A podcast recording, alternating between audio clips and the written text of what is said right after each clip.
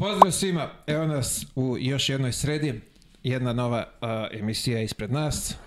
Imamo izuzetno gosta, uh, velikog, a je ovako, što bi se reklo, i kao čoveka i, i kao igrača, sve. Sa nama je danas uh, Zoran Stevanović Stragi.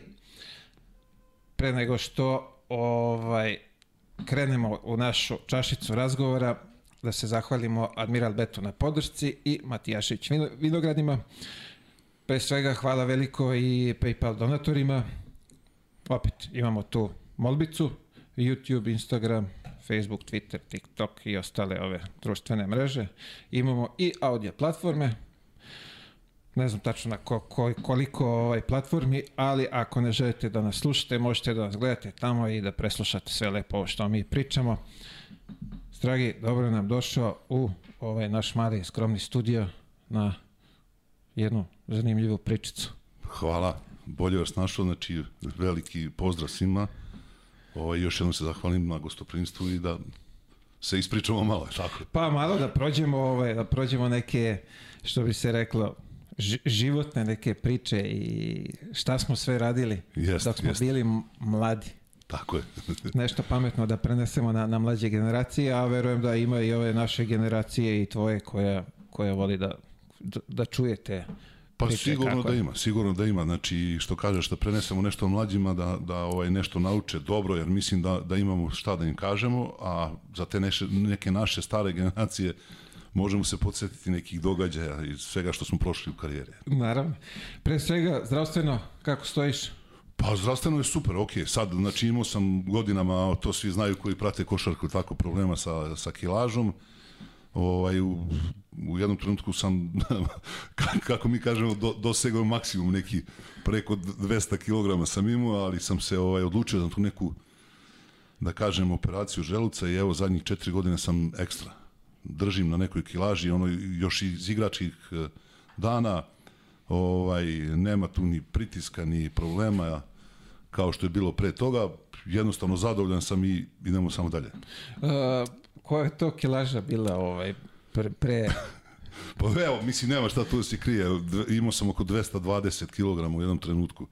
Aha. Ovaj, ušlo je tu svega malo nervoze oko posla, malo neuredan život, sve, ovaj, ali kažem, u jednom trenutku sam to pratio dosta i gledao oko tih uh, situacija, ovaj, kako se to radi, ta operacija i to i odlučio sam se na taj korak, mislim da sam napravio pravi potez. Uh, kako si došao na ideju tu? Jesi imao neke, ovaj, ono, neko te, što bi se rekla, naveo na to ili si... Pa znaš šta, ja sam to pratio, imaš ono američka ona serija, to što rade po Americi i onda sam uh, čuo da ima i u Skoplju, ovaj Ači Badem u Skoplju je to radio, ali sam se ja odlučio za našeg pro, profesora ovaj, Miroslav Ilića iz Novog Sada koji radi to kod nas u Srbiji i u Crnoj Gori i onda jednostavno sam došao ovaj, uh, u situaciju da sam to čitao, pratio i odlučim se da odem kod njega na, na razgovore. I kad sam ušao ovaj, u Novom Sadu u bolnicu, čovjek mi samo pogleda kaže, ovo Zoki, šta ćeš ti kod mene? Znači, on je prepoznao me sve, ja sam rekao, profesor, profesor rekao, doktore, takva i takva situacija, čovjek mi rekao, ja mogu da ti pomognem u, u tom, tom vidu i tom, tom, takva situacija će biti u nekom narednom periodu, i u dogovoru s njim, naravno u dogovoru s porodicom sam ono odlučio na taj korak. Kažem, jednostavno e, to je proteklo tako dobro i bez nekih bolova, problema da, da je samo posle toga ide šala na, na to sve kako ne možeš da popiješ čašu vode, kako ne možeš ovo, kako ne možeš ono. Ovaj, moj drugar Kića me izvede iz bolnice i odemo naravno ono u kafanu posle tri dana. I konobar ne može da veruje, ja ništa, samo dve čaše vode, a oni ovaj, roštilj neki tamo vamo i tako ima anegdota tu koliko hoćeš posle zadnje 3-4 godine oko toga. Kažem, dok sam mogao da je jedem, niko nije zvao na hranu, na ručku, sad svi zovu. Savršeno. Da. Savršeno. A vidi, ovo sad, ja dok sam bio dole u, u arapskom svetu, kod njih postoje ovaj, dve vrste dijete. Postoji ova regularna, kao pazi šta jedeš, kao držiš do nekog i postoji kao ta arapska, znaš. Ja rekao šta je arapska? Pa kaže odeš i sekuti želudac i kao to je to. to, je to Tako to oni je, rešavaju. Znači, znaš. ja sam arapsko. To, ti si na ovoj arapskoj, hvala Bogu, uradilo je plodom. Da, da, kažem prezadovoljan sam. Znači sad u tom malo pre pričam s tobom ti kažeš nisi dugo trenirao, ja sam mogu i da šetam i da, da mogu i neki put i da potrčim, znači sve, sve mnogo lakše. Ranije sam imao problem četvrti sprat, na primjer, ne radi lift, katastrofa se popanješ. Sad po 3, 4, 5 puta za redom mogu, nikakav problem se, znaš. Jednostavno sam se promenio dosta i kažem pravu stvar sam uradio. Pa bravo, evo, za ove koji imaju problem sa viškom kilograma, sa gojaznošću može da... Da, da, da. Mislim, dobro je, zdravo je, dobro je i za zdravlje, da ako obično hoćemo što duže da živimo, Pa a i- da bi da, malo to, to ovaj, kažem, produžili produži život, život, da. morali bi da, da, da, da se ovaj, te neke stvari odrade, da, da to može da... Svaka čast za odluku, mnogi, mislim, teško odlučuju se na takve poteze. Iskreno ti kažem, kad sam odlazio to jutro tamo, bi- bilo je u stomaku frka, da li da se vratim, neću da se vratim, dok nisam ušao unutra. Kad sam ušao unutra, ga ugotovo. Pa, opet, e, mislim, mnogo je bitan i taj razgovor s tim doktorom, znaš, i da ti on na lep način to objasni, Jeste. obrazloži, da te uputi, da... Da, da, da. Znači, kažem, mislim, ovaj, uradio sam te neke pretrage pre toga sve, ali nikakav, ovaj, kad smo uradili tu operaciju, bile šale, posle naravno bio je neki derbi, sećam se, ležu ovo in- intenzivno nega i oni mi stave da gledam kao utakmicu. Kakva utakmica? Znaš, zezaju doktori tamo. I jednostavno, ja sam otišao u ponedeljak, u petak sam već bio kući, znaš. U, to, u sredu ti to urade, u petak ideš kući. Divno. Ča, čas posle.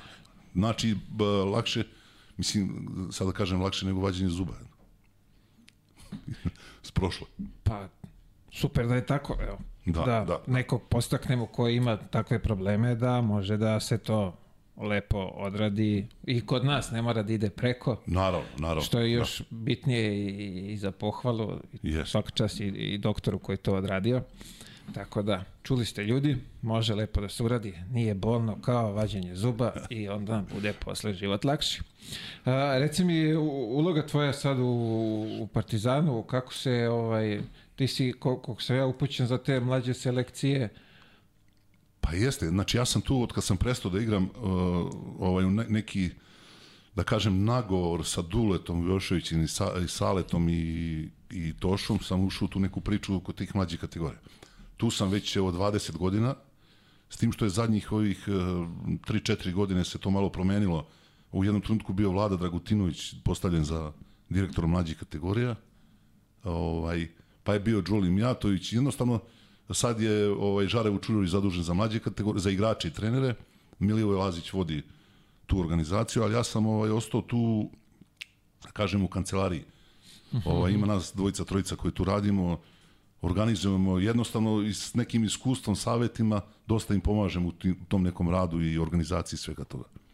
A, recimo, jesi zamišljao sad ovaj, posle, posle, ajde kažemo penziju, posle karijere na, na ovaj način koji sada Pa traje iskreno nisam, iskreno nisam, znaš, ono, ja sam mislio još da odigram još par sezona tada, ali ovaj, igrao sam u Kragujevcu nešto tu zadnju godinu do nove godine, ovaj, onda sam, ajde, ajde ovo, ajde ovo, znaš, da probaš, da probaš i onda, ajde, sam ušao u to, jednostavno to rad sa decom je do, uh, zanimljiv, zanimljiv, a ima dosta problema, naravno, sa, pogotovo sa roditeljima i sa, sad se počeli menadžeri da se mešaju, ali uvek je lepo videti dobrog igrača, mladog igrača, ući s njim u neku priču, savet i tako.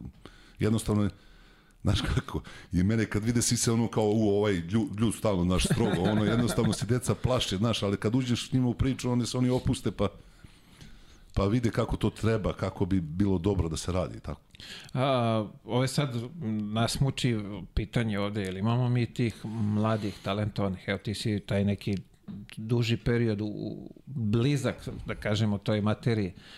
Ka, kako Pa stvari stoje kod nas sad? Ja mislim da je sve, sve slabije i slabije, znaš, jer mnogo, mnogo dece ode, ode rano u inostranstvo. Drugo, mnogo dece dođe rano u Beograd. Ranije smo mi ostali, ja sam došao u Beograd sa 17-18 godina, 18 godina. A ovi sad sa 12, 13, već, da ne kažem 14 godina, 15, ko to, to napuni taj, ovaj, preraste svoju sredinu i odmah hoće dalje, hoće u Beograd. I roditelji, i, i igrači, i tako. Mislim da je to prerano. Ovaj, pojavi se, pojave se deca, naravno, kvalitetna deca, kvalitetni u tom nekom pionirskom uzrastu, kadetskom. ali mislim da je zadnjih dve, tri godine i juniorska i kadetska liga pala sigurno za 20-30% u odnosu na pre 4-5 godina. Što se tiče igrača, kvaliteta igrača. Nedostatka ili o, zbog odlaska? Pa i zbog odlaska i zbog, ne, ne znam, i nedostatka, sigurno. Znaš, jer, kažem, ostalo je, sve se svelo, po mom nekom mišljenju, na Beograd.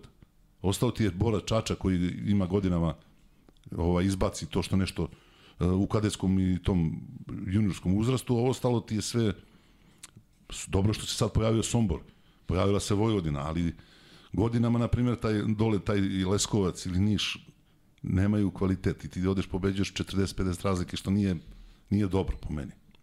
Pa ovde baš se trudimo da, da, da pričamo o tome. Uh, ono kako ja vidim, uh, mislim da je što ti kažeš, svi hoće u Beograd. I da sav taj talent što i ole valja, ovaj, oni se stacioniraju u Beogradu i tu se posle nekako izgube. Pa bude ih dosta u jednoj grupi, bude ih dosta u jednoj ekipi. Jer realno znamo svi da, na primjer, sad ti ako imaš uh, dva dobra juniora, tri, a ovamo imaš 4-5 dobrih kadeta, teško da će tih 4-5 kadeta isto da dođu, da budu kvalitetni za prvi tim. Jer, znaš, treba izgurati sve to.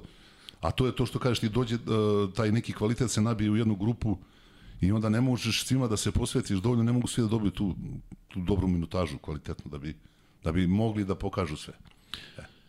Mi smo sad ovde o, baš u prošloj, ovaj, prošloj emisiji sa trenerom Tamiša pa, pričali o, o, o tom problemu. Njegova neka ideja smatra da bi trebali sad kako to izvesti, pustiti tu decu u neke te manje sredine gde bi dobili više prostora za napredak, za, za rad, za, za minutažu, da bi sazreli. Slažeš li se s tim ili... Pa, znaš šta, mislim, pazi, treba, uh, treba deca da igraju što više, znači treba da igraju što više, ali je problem opet u kakvu sredinu to dete ode, znaš, da li će da oni da ga ispoštuju, da će da igra, da dobije tu minutažu i taj trening kao što oni to u, u pričaju, znaš. Ja, ja, na primjer, sam više mislim sad, ne može svaki klub to sebi da priušti, ali mi smo imali godinama a, mladi tim, Partizan, ne znam da li se sećaš ovaj, te ekipe, Vinko Bakić je vodio. Tor, Tor, Torlak, da, ili da. Partizan 2, tako pa, su se zvali, da. Ja znam kao znači, Torlak, da. I onda se sećam situacije gde su, to, to je generacija gde sam ja počeo, s kojim sam ja počeo da radim, znači Novica, Veličko i Borovnjak, e, Gajić i jedan drugi, uh, Samarđiski, znači to je bila ekipa koja je, igrali smo u Srpsku ligu, I onda smo se mučili u toj srpskoj ligi godine, onda smo ušli u B ligu, pa ispadneš iz B lige, pa i, ali to mnogo znači za, za te igrače, znaš, koji, koji odu, na primjer, na trening prvog tima. I to sad je problem, na primjer, kod nas, ne, to je godinama problem, taj, sad je kod nas u ekipi Jovanović, je tako, bio je Radovanović, koji trenira s prvim timom, ali ne igraš, znaš, ti, ti sediš, samo treniraš uh, kad je ono 5 na 5, kao u trećoj petorci to, ali ne, nemaš minutažu u igri, što je bitno. I tad smo mi imali dobru tu priču i uh, sledeće godine su igrali mislim, ne mislim, nego Milutinov, Radičević, Đorđević, uh, dosta tu igrača prošlo kroz to. E sad, uh, koliko znam, Savić je pokušavao prošle godine, preprošle da, da to se kao vrati, da mi Zvezda kao dobijemo taj neki mladi tim, ali nije prošlo to, ovaj, nije prošlo u Savezu, eto. Ili već ko odlučuje o tom? Pa nemam pojma, malo je to sve ovaj, Pa mnogo je. problema tu ima, vidiš, u organizaciji, u, u liga i tako, sve se to jedan drugo prepucu, prebacuju jedan na drugoga, a, a niko neće da uđe da sedne da, da, da se dogovori sve, da se namesti kako treba. Mislim, mnogo je problema, a, ali što ti kažeš, opet tu je peckanje između njih, pa da, ko, ko će, šta je, kako je, čije, zašto? I, i onda tapkamo u mestu a, a, a talenti a deca odlaze ti... i propade da. tako je, da. tako je, da. Mislim, opet nemam pojma, da li dati trenere u te neke sredine svoje, pa kao onda imaš kontrolu rada. Ako, ako smatraš da je da, tamo loš trener, to, da, da ne može. da, da, da To, Sad, ko bi to trebao? Da li bi trebao klub ili savez da stane iza toga, da pošalje trenera, da ga plati lepo, da živi u toj sredini i da vodi računa na što savez, je sad? teško to, to može klub samo ako, ako napravi neki dogovor sa... Znači, ja znam da je bilo i pre dve godine ili tri, slago ćete, bilo je neka priča da je trebao Partizan sa Vršcem da napravi neki, uh -huh. neki dogovor da bude trener Partizana i da bude, ne znam, 4-5 tih igrača i na kraju opet to nije, nije se ispoštovalo. Onda su napravili sa Dunavom pre dve godine vidiš, jednostavno nije funkcionilo sa, koliko vidim između tih ljudi koji vode Dunav i trenera. A, vidi, znači, ideja ima, samo je realizacija samo katastrofa. da, slažem se. A, mislim, šteta, stvarno šteta za što se to tako dešava, što ti kažeš, svi hoće po, po, pohrle za, za Beograd, misle tamo će se usrećiti, a u stvari samo ako nije ekstreman talenat, pa, kojih u poslednje vreme nešto baš i pa da se nema, ne lažemo i nemamo. Da, da. Ovo ostalo je sve... Ovo što imaš opet, na primjer, sad, svi, ono, sad vraćaš, svi hoće Partizan, hoće Zvezdu, hoće Umegu, oni imaju druga, drug, drugi način rada, obećavanja, druga, tako ispunjavaju, rade.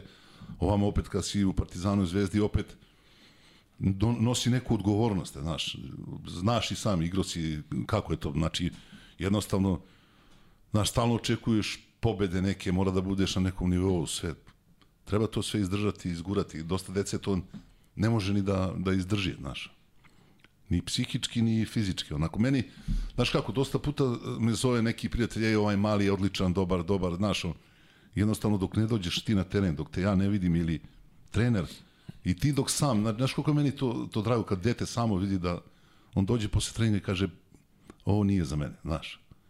Pa, u odnosu na količinu treninga i odnose sve. Verujem da si ti u karijeri imao one što su na treningu vrhunski, a kad dođe utakmice da se pogube, nema ih nigde. Koliko hoćeš. E. Znači, od prvih dana, od Kragujevca, od prvih dana kad sam počeo da treniram, pa do, dok nisi završio karijeru. Znači, uvek imaš oni koji kidaju najbolji, najbolji na treningu, jeste, da. Jeste, Kao ovamo... nije mi dao šansu i onda kad uđe se izgubi, pogubi ste dve da. leve, noge vezane, ruke, jeste, sve. Jeste.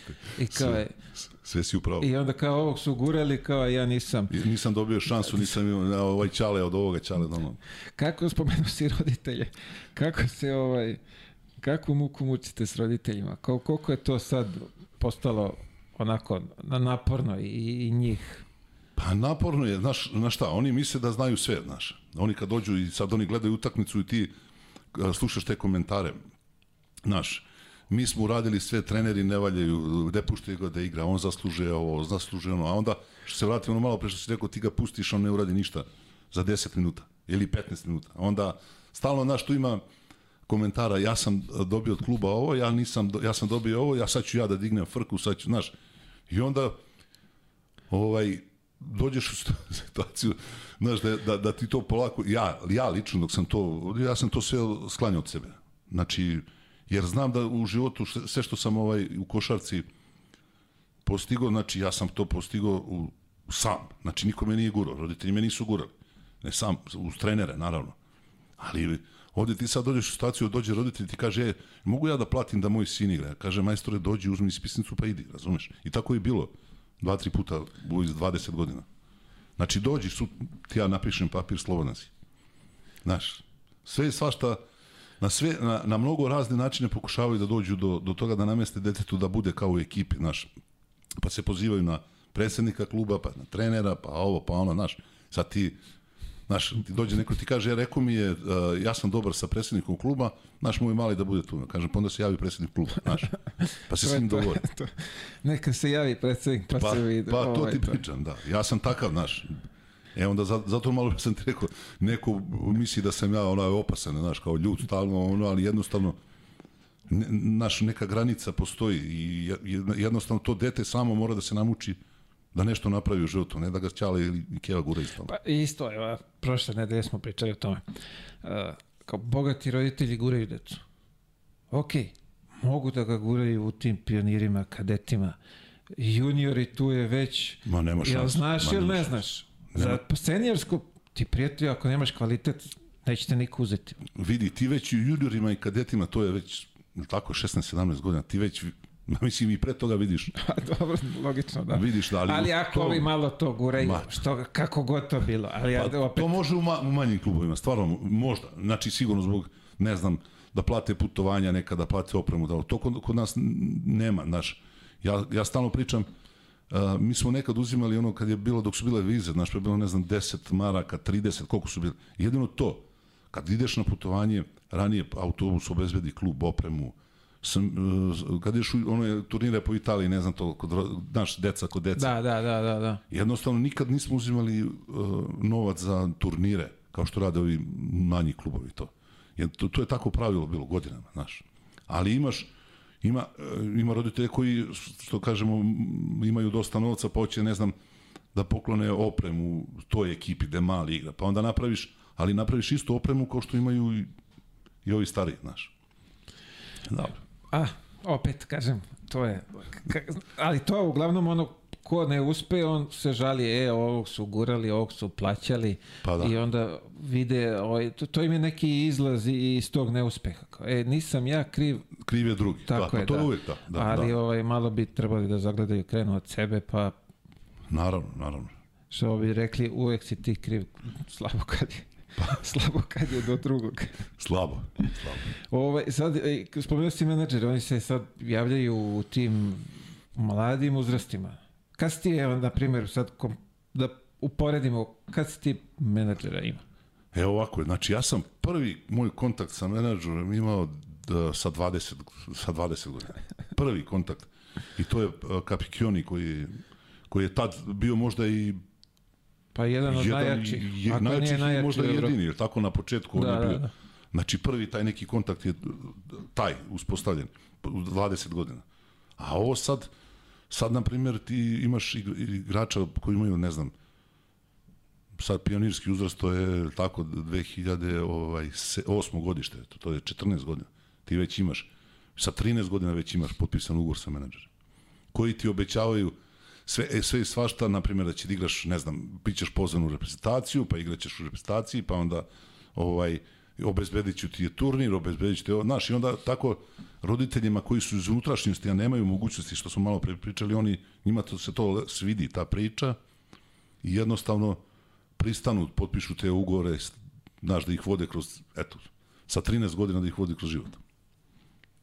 Vidi, h- hrabra odluka. Ovaj. Hrabra odluka. A možda oni vide spas tu, tu roditelji u toj nekoj priči, ali mnogo je velika, veliko je vreme od, od pionirskog do seniorskog uzrasta, šta će da bude. Ja kažem, stalno se šalim kad pričam tako s tim, s tim roditeljima u početku, otku znaš za pet godina, možda se on zaljubi, pa prestane da igra košarku, možda se, ne daj Bože, povredi, znaš. Ali dobro, to su, znaš, ta, tako, tako je vreme došlo, ne možeš, definitivno ne možeš bez, bez, bez menadžera sad. Ali malo je, da je prerano, mislim Prerano, da da, jeste. da. Ja, ja lično mislim da, na primjer, dok tog nekog uzrasta uh, kadetsko, juniorsko, 16-17 godina, tu se već, tu ti možda do 18. ajde, na, 18. ti treba, kad bi trebao taj prvi profesionalni ugovor potpisao. Ja se sećam kad sam prelazio u Beobanku iz Partizana, tad sam ovaj, imao taj, da kažem, dobar ugovor. To mi je radio advokat Točke, naš drugar, prijatelj. Znači, prvi put, znaš, rekao, ajde, znaš, sve se to promenilo 4-5 godina. Kajem, ajde, evo ti pogledaj ti ove papire, otku znam, znaš. I boga mi da nisam tad u tom trenutku radio, bi, ta jedna reč je promeni značenje i onda, znaš, možda bude problema. Ali sad to je sa 26 godina. A dobro, tu smo, napredujemo, znaš, ovaj, napredujemo, društvo napreduje i onda se sve to, mislim, ja se isto slažem, mislim da je prerano, ja sam agenta imao sa 18.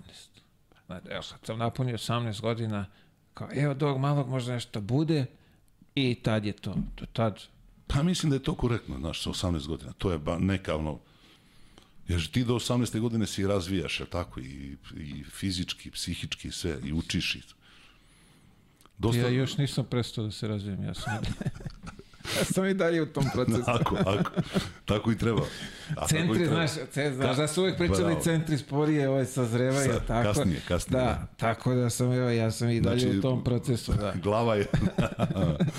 Traje, da potražim Pa ja dobro, znamo mi menadžera. neke još ljude koji su koji su visoki, koji su još nisu razvijeni. Nećemo da ih imamo, da. da se ne naljuti.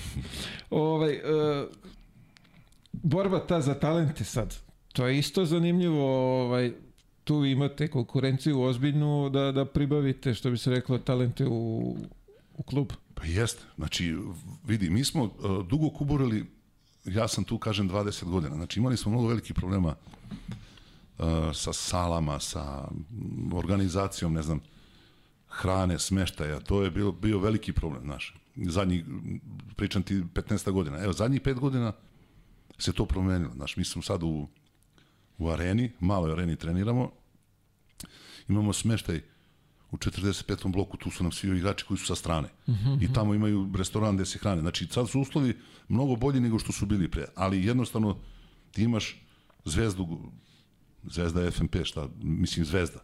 Imaju uslove, što se tiče sale, smeštaja, svega, uh, mega isto, oni su uložili u svoju u halu, ono što su uzeli, tu imaju smeštaj. Jednostavno se to sad promenilo. Evo, kažem, opet se vraćam, uh, malo pre sam spomenuo Joker, tako, Sombor manji grad, mnogo je lakše i bolje organizovati Jasne, sve to. Apsolutno. Jednostavno, ovaj, mi sad, kažem, imamo dobre uslove, ali imaju i ovi klubovi i sad tu su sitnice, sitnica pre, prevaga tu deće, to dete ili taj roditelj da se odluči. Imaš, ali opet, kažem, sitnice, taj, ima neko dete koje smo mi trebali da dovedemo, onda roditelj, otac kaže, znate, ali ono nema doručak.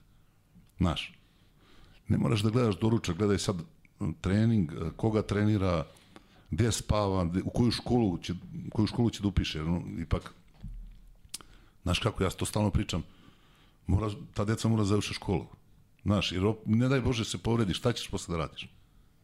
Znaš, problemi, ono, pa znaš, kao, nema veze, kao, završit ćemo mi to, ne znam, dajem primjer u Užicu, znaš, pa ne možeš, čekaj, ako već dolazi ovde, ide u školi, sve redom.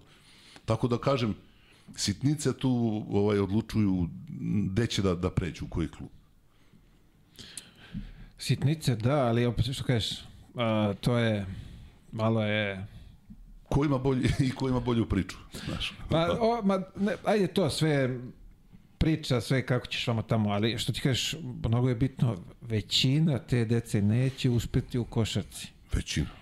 Či, moraš da završiš to školovanje, moraš da se obrazuješ, da se u šta, šta god, jer pitanje je samo kad ćeš završiti.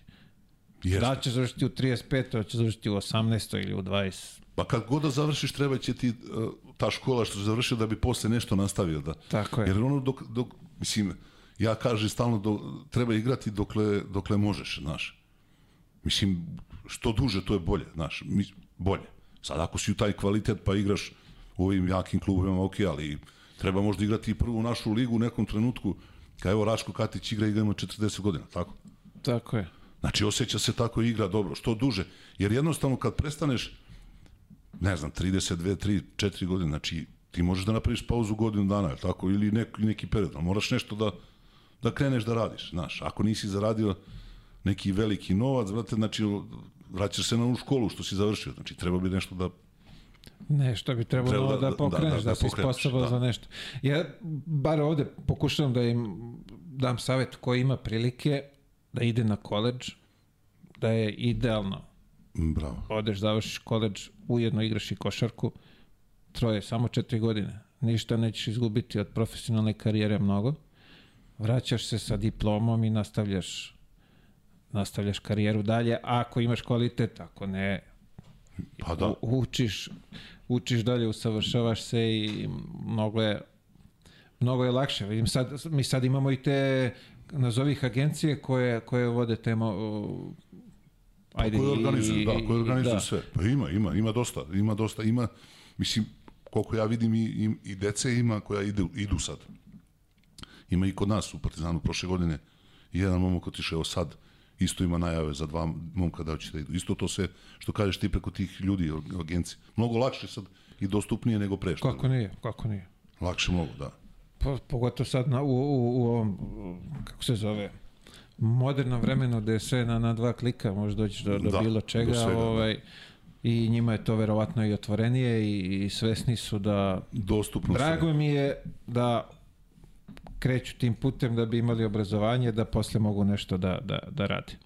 Što je veoma pohvalno, kogod ima prilike iskoristite za to, ako mislite da ne možete ovde da igrate na visokom nivou odmah prvu godinu. Uh, utisci iz Niša?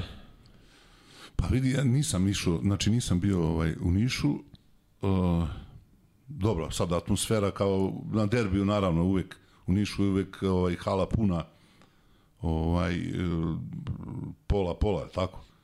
Gde uvek bude dobra atmosfera sve. Jedno, ovaj, što se tiče znači, utakmice polufinala, Partizan je ono na početku napravio tu neku razliku, ali po meni da ovaj, trebalo da završi još, na primjer, polovreme, trebalo mogući sad sa jedno 18, 19, 20 razlike, ali nisu, nisu to uradili. E, sad drugo polovreme Zvezda se vratila, tako prvo nije ubacivala ništa, drugom su počeli da, da ubacuju, ovaj, Partizan je stao i na kraju na kraju Zvezda zasluženo pobedila, naravno.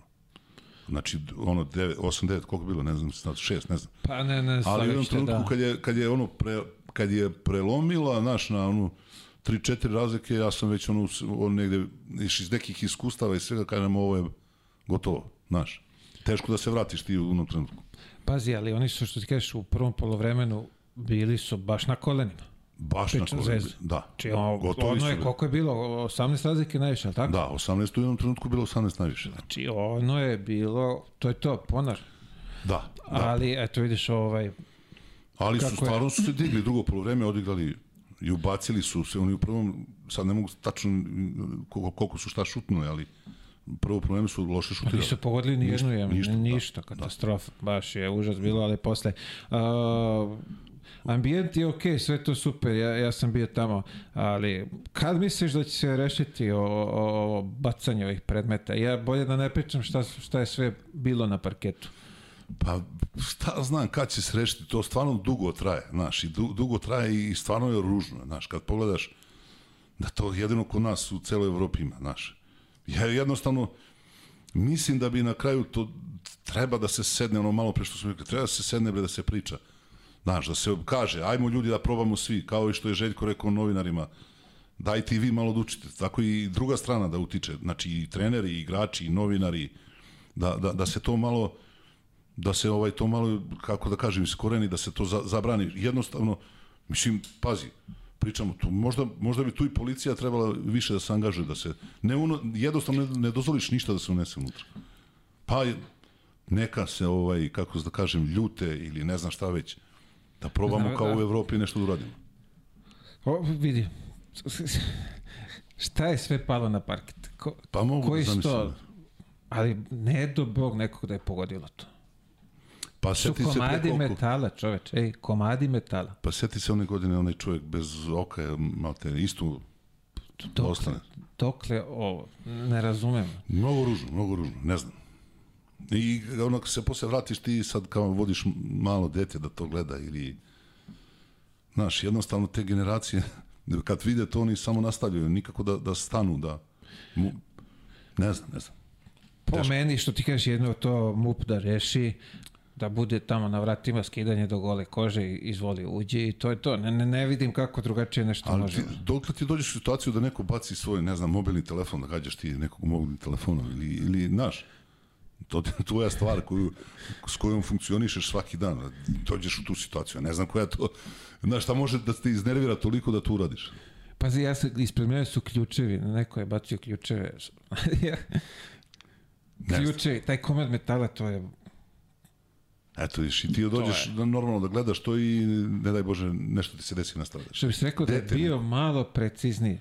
Pošto znaš to, od, od, ko znaš od, od gore. Odakle leti? Ko to, Da, da. I pri tome u onoj svoj halabuci, ono, ono, znaš kako se čulo to kad je opalilo od parket?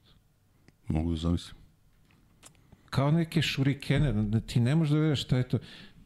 I ono gledaš, pri tome ja dole imam ne, ne, ono, kao neko mesto ustere. Vidio sam, Ako vidio sam. malo vidio sam. omaši neko, ako nije dovoljno, ovaj, što bi se reklo, sportski, ovaj, precizan, sposoban, katastrofa. Katastrofa, katastrofa.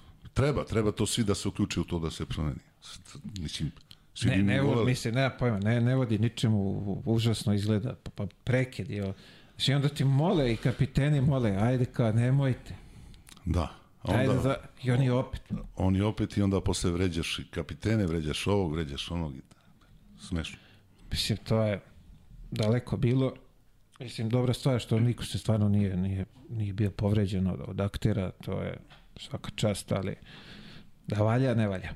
Uh, Partizan i Zvezda u Euroligi, što bi se reklo istorijski, po prvi put. Da, istorijski po prvi put, pazi, a, Zvezda, znači, dolaskom Duška napravila bum u onom trenutku. Lako, koliko pobjeda za redom, promenilo se, pazi, dobra ekipa, znači nema, nema, nema tu tako da pričamo o dobri igrači, dobro igraju, ove zadnje dve, tri su tako su pali i to sve on, on, realno i, i očekivano negde, tako ne može da nastaviš taj neki niz dugo da se igra dobro. Teško je da Teško. Isto kao Partizan ovaj, na početku, je tako, par onih utakmica po, ne znam, pola koša, po dva, tri razlike, ovih zadnjih mjesec dana je Partizan igra odlično. Ovaj, to se negdje očekivalo. Sad, šta meni sad, na primjer, ovaj, vratit ćemo opet na ovo, ali šta meni tu sad smeta? smeta? Igra, prošao sam to, znam te ljude. Znaš, Partizan loše igra i u jednom trenutku Željko radi ovo, Željko radi ono, vodi ovakvu utakmicu, vodi onakvu utakmicu, menja ovo. Duško igra, igra odlično, je tako, prvih 5-6 utakmica, sve to super, euforija, a onda sad izgubiš dve, tri utakmice, kako ovaj vodi, znaš, čitaš te komentare, čuješ te priče, ja, ja se dosta družim i sa, imam i dosta drugara koji su zvezdaši, Znači imam neku grupu tu, to je, to je opšta, opšti pa, haos. Ali ja kažem, kako sad vama ne valja ovaj posle, ne znam, valja vam dva meseca, sad vam ne valja. Ili nama ne valja partizanovcima Željko, naš, on, to su neke, naš, ču, čudni smo mi narod, naš, i čudni smo ljudi, čudni. smo narod, naš, sve, brzo zaboraviš ono što je, što je bilo dobro, naš. Tako i, ja, ja to tako gledam, tako i sa reprezentacijom, znaš. A čekaj, dođe pro, smena neka generacije, ne možeš svake godine da igraš dobro, ne možeš svake onda. Znaš, i- i onda skloni smo da, da brzo te ljude, kako da kažem, Trošimo ih. trošimo ih i, i trošimo i da ih vređaju i To, da im, a to ide, znaš, vređanje se Vređa, podrazumeva, da. ali onda ga brzo i potrošiš. potrošiš ga, znaš. To je meni, to je meni baš onako ružno, znaš.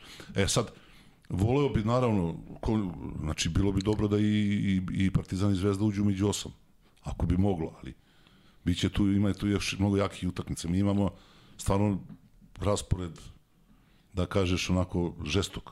Pa, što je, što je rekao Mačvan ovde kad je bio u Euroligi nema ovaj, kao izvadiću se kao sledeći. da, da, hoćeš, da. Gde da se Gde vadiš? da se Mislim, vadiš? Te sad čekate, šta sad ide? Fener, pa, Pa ide, ne znam ide. Fener, pa je ova pauza, pa trećeg, ja, e, četvrtog je Alba, ja mislim. Mislim da je Alba četvrtog, jeste. Pa onda ideš uh, o, o, ima, ideš u Split, pa onda Italija, Bologna, Milano, Pa je, a onaj drugi deo je tamo posle zanimljiv. Imaš ovaj, u sedam dana ili osam, sedam, a, osam dana, slagaću te, ne znam, juče sam nešto gledao, Olimpijakos, pa CD Vita, pa Barcelona, pa Real. Laganica. Ma, odlično. Sve, sve, sve četiri igraš kući kao top, a pre toga ideš i Efesu, pa mislim. Znaš, što kažeš malo preko, gde da se vadiš, koga da dobiš? Pa nema. Mislim, Ko, pa šta, je, je došao Beše Armani ovde sa jednom pobedom Sa jednom u pionir, kao ovi, kao ovi, ovi ne znaju ništa. Ne, bre, ovo, ovo je, ja ne znam, mislim, naš, gledaš, Mila, idemo svi, tako, kad uđeš u, ja gledam u arenu, kad odem gledam utakmicu, pa kad se pojavi ovi iz Bajerna, kako izgledaju, znači, kako izgledaju ekipe, ono, mislim, atletski, mislim, u naše vreme nije to tako bilo, znaš, ali stvarno sve ekipe igraju, izgledaju dobro, to, ti, ti, ti možeš da izgubiš kući od svakoga, ili da, i svakog da dobiješ na strani, to ko mi ove godine, dobiješ A tako mi dobili smo Žalgirisa tamo, pa dobi Bajerna, pa...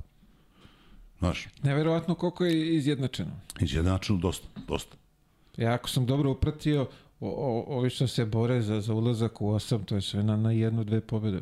Na I to jednu, ne dve. jedna, dve ekipe, nego šest, Šest- ekipa. Da, tako je, pa samo, tako, ja mislim samo Olimpijakos gore da je, da je izdvojen. I ovi su na četiri, tri, četiri, a mislim, pa kao je to, ne znam, teško, teško.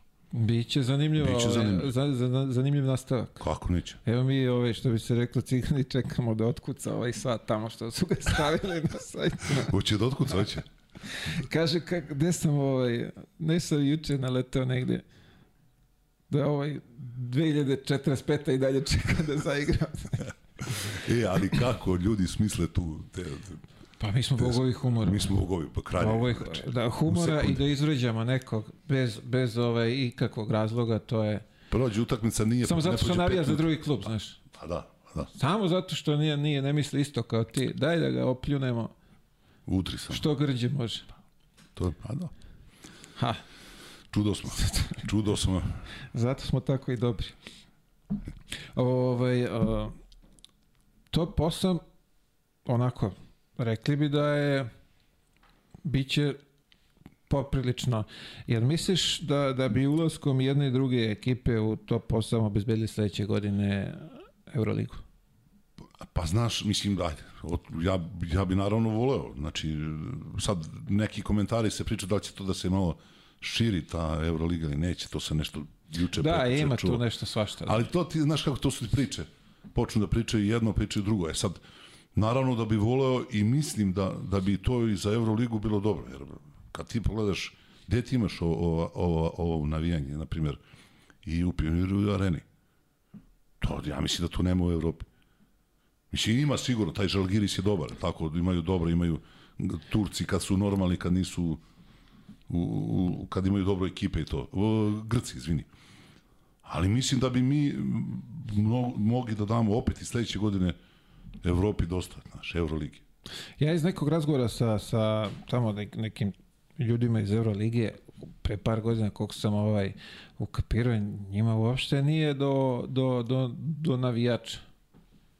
Njih ne zanima kako se zove, ovaj, kakve mi sve navijače imamo i šta, nego njima oni... Pa ne, ne znam, postavlja, tu je postavljeno pitanje kao, a vidi jedni i drugi navijači vamo tamo, oni kao, dobro, to je sve super, kao, ali malo je tržište, kao. Pa je, e, sad, sve zavisi šta je, šta je njima malo tržište, ali opet ti, nama je tako drago kad te hvale protivnički igrači, klubovi i treneri, tako? Da, diže, daje ti neku želju, volju da nastaviš dalje da i sledeće godine. A sad, da li smo mi finansijski, mislim da jesmo ove godine i Zvezda i mi finansijski dosta ovaj blizu njih. Pa vidi, ali... U odnosu na ono kako je bilo, je tako? Naravno, naravno, naravno. pred Samo je 70. pitanje da li će to da potraje. E, E, ja jeste. mislim zbog, da, da, da to njih najviše i koči. Jer mi nikad ovde nismo imali, evo imamo sigurnih 10 miliona narednih 5 godina. da. Nego oni znaju da evo ovde na, sa štapa i kanapa na, nategnut ćemo pa ćemo vidjeti, pa ćemo malo tražimo pomoć da se smiluju, da oproste. Da, da, da, oprosti da nas ne kazne. Da, Tako ovo, je, da. Mislim da je, da je njima mnogo taj finansijski deo bitan da to bude stabilno Pa u sigurno, nekom sigurno. kontinuitetu. Sigurno. E sad, ali opet, k- što kažeš ti, a ko će kod nas to da, da ovaj, kaže, evo sad sledeći pet godina, naš, Zvezda ima toliko, Partizan ima toliko, ajde sad probaj da igraš. Ili ne znam, bilo ko drugi. Teško, da može neko da ti garantuje. Pa ja znam jednog čovjeka koji može da garantuje. sad, sad pitanje samo ovaj, Da li hoće? Da li hoće, da. E, dobro. Ovo je ABA liga, Pa ABA Liga isto, znači, sad, opet će tu da se lomi koplje, tako, Zvezda, Partizan.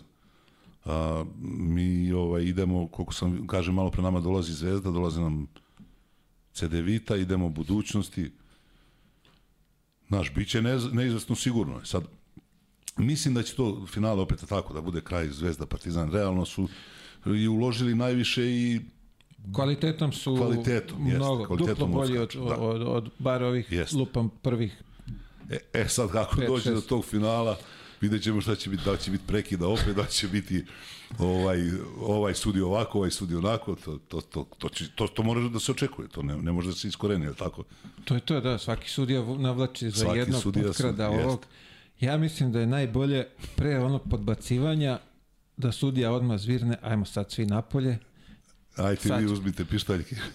Ne, ne, ne, pre podbacivanja odmah da izbaci i jedne i druge napolje i ajde E, to, sad da. u, u praznoj U hali, praznoj, ajde pra- da eto, odigramo da. lepo ovde sad, Da, pa da vidimo ko je bolje. možda je to i jed- i jedno od rešenja. Ali, znaš, Da ono, staneš svi, e, aj sad, momci, ajmo, sklonite se, hvala što ste došli i pustite nas da igramo. Jer ne vidim, ne vidim, pazi, ne vidim da može, evo sad, primjer je Niš, kup. Pa to, da, A to da, vodi, to će sad je, sledeća je, a, ovaj, Sledeće je ABA. Da. ABA liga, ja ne vidim da Ne, ovo će biti može. sigurno, pazi, ovo sad, naravno, Zvezda dolazi u arenu, bit će sigurno tu i gađanja i vređanja, kao što, što pri- pričamo, što komentarišemo kako u Euroligi nemaš Pričaš za ABA ligu da dolazi u Je li tako? A Da, Euroliga da. je odigrana, gotovo. Euro, Euroliga je odigrana, da, obe utakmice. Sad, znači, ja mislim da je desetog sad sledećete kog datuma da Zvezda dolazi. Aha, aha. A, ovaj, a sad kad, a, kad igraš Euroligu, nijedan problem nije, nije bio. Pa nije bio zato što, što te ovi kazne odmah, ne znam, 50-100 hiljada eura, lupam, N- n- dajem neke cifre sad onako, ovaj, ali te odmah kazne, znaš, i ti onda kukaš, e sad, prodao sam karte, mora da platim. Pa, pa platiš, majstor, a ovde, kod nas Saba Liga, da li te kazni nešto 1000, 2, 3 hiljade eura, pet i to je to. A doneseš sve, gađaš iz sve. levog džepa 1000 evra i plate kaznu. Jeste, gađaš, eto. Tako da, kažem, teško da možemo mi to da iskorenimo do, do kraja to, ali jedno od rešenja bez publike, pa Cepajte dok, dok se ne opametite. Pa A, pazi ovo sad, kad si spomenuo arenu, a, jel misliš da je u polufinale dole kupa moglo da se da se kup u stvari ceo or- organizuje u areni zbog potražnje i sad kad su ove dve ekipe ovako kvalitetne. Pa, pazi, da, da je, ovaj, više oni su opet eh, produžili taj dogovor, napravili sa Tako Nišom. je. Taj Niš stvarno dobro organizuje to godinama. Ovaj, što se tiče, ne znam, te neke atmosfere oko tog kupa svega. A, slažem se sa, sa idejom i pri, priča je ovaj, da, je, da je bio ove godine u, u areni da bi to isto... Ja mislim da bi rasprodali sve. pro raspodeli. I mislim da bi to isto bilo dobro organizovano. Jer u areni, u areni isto možeš da organizuješ tako. Možda se organizuje, da, ali e, to organizuje Savez. Da. A tamo treba neko da to malo ima ideju, to marketinški, da moji su ove godine, sada od kupa, moji su zarade i ne znam koliko može da se zaradi kad se rasproda arena, ali mislim da su stvarno. mogli lepo da napune kasicu. Pa mogli su sigurno da zarad... Mislim, ne znam, sad pričamo o ciframa, ali Vidi, sigurno bar 10 puta nego što su Mm. Uzeli, pa kako, pa ako se šta i uzeli koliko može u Nišu? Može čet, Tamo 4000, 4000, ako se ovde, nagurali na na 5. 17-18. Da, da, naguraš na pet, ovo je četiri puta više. Pa, o tome ti pričam. Da su iskoristili ovaj moment kad su jedna i druge ekipe pre. Da, prejake. A ovo drugo, na primjer, ti sad kad pogledaš, ne znam, gde- gde bi još mogao? Mogu bi možda u Novom Sadu. Pa to je to, imaš Spence, samo, Samo taj veliki, Spence. ti Vršac, nemaš koliko više... može vršac? Pa 3000, ne da, znam, do 3000. Mi nemamo halu, mi posle arene i pionira nemamo treću Nemamo, halu koja nemamo. može primi 7000. U stvari, Spence, Spence, izvini, Spence. ali ono ti je sve si na jednoj strani. Jeste, ono, naš, nije, nije To, to... bi to teško bilo i razvojiti bilo šta kako dođe do... Da, do, do nekih problema. A došlo bi. A došlo bi sigurno. Pa, tako. Tako da... ne, mnogo su ti ljudi čudo. Šampioni smo, šampioni smo u tome, ali dobro. Evo ovako, prošli smo malo ove, što bi se reklo, ove dnevne Dešavanja. dešavanja dnevna. Ajmo mi u mladost, da vidimo kako je izgledalo tvoje odrastanje. Mladost, ludost. Mladost, ludost, radost. Pa ništa, mislim, ako hoćemo, kako sam krenuo ko, sa košarkom i to da se bavim, jednostavno, vidi, ja sam u Strgarima tu 100 km od, od, Kraguj, od Beograda, 30 od Kragujevca.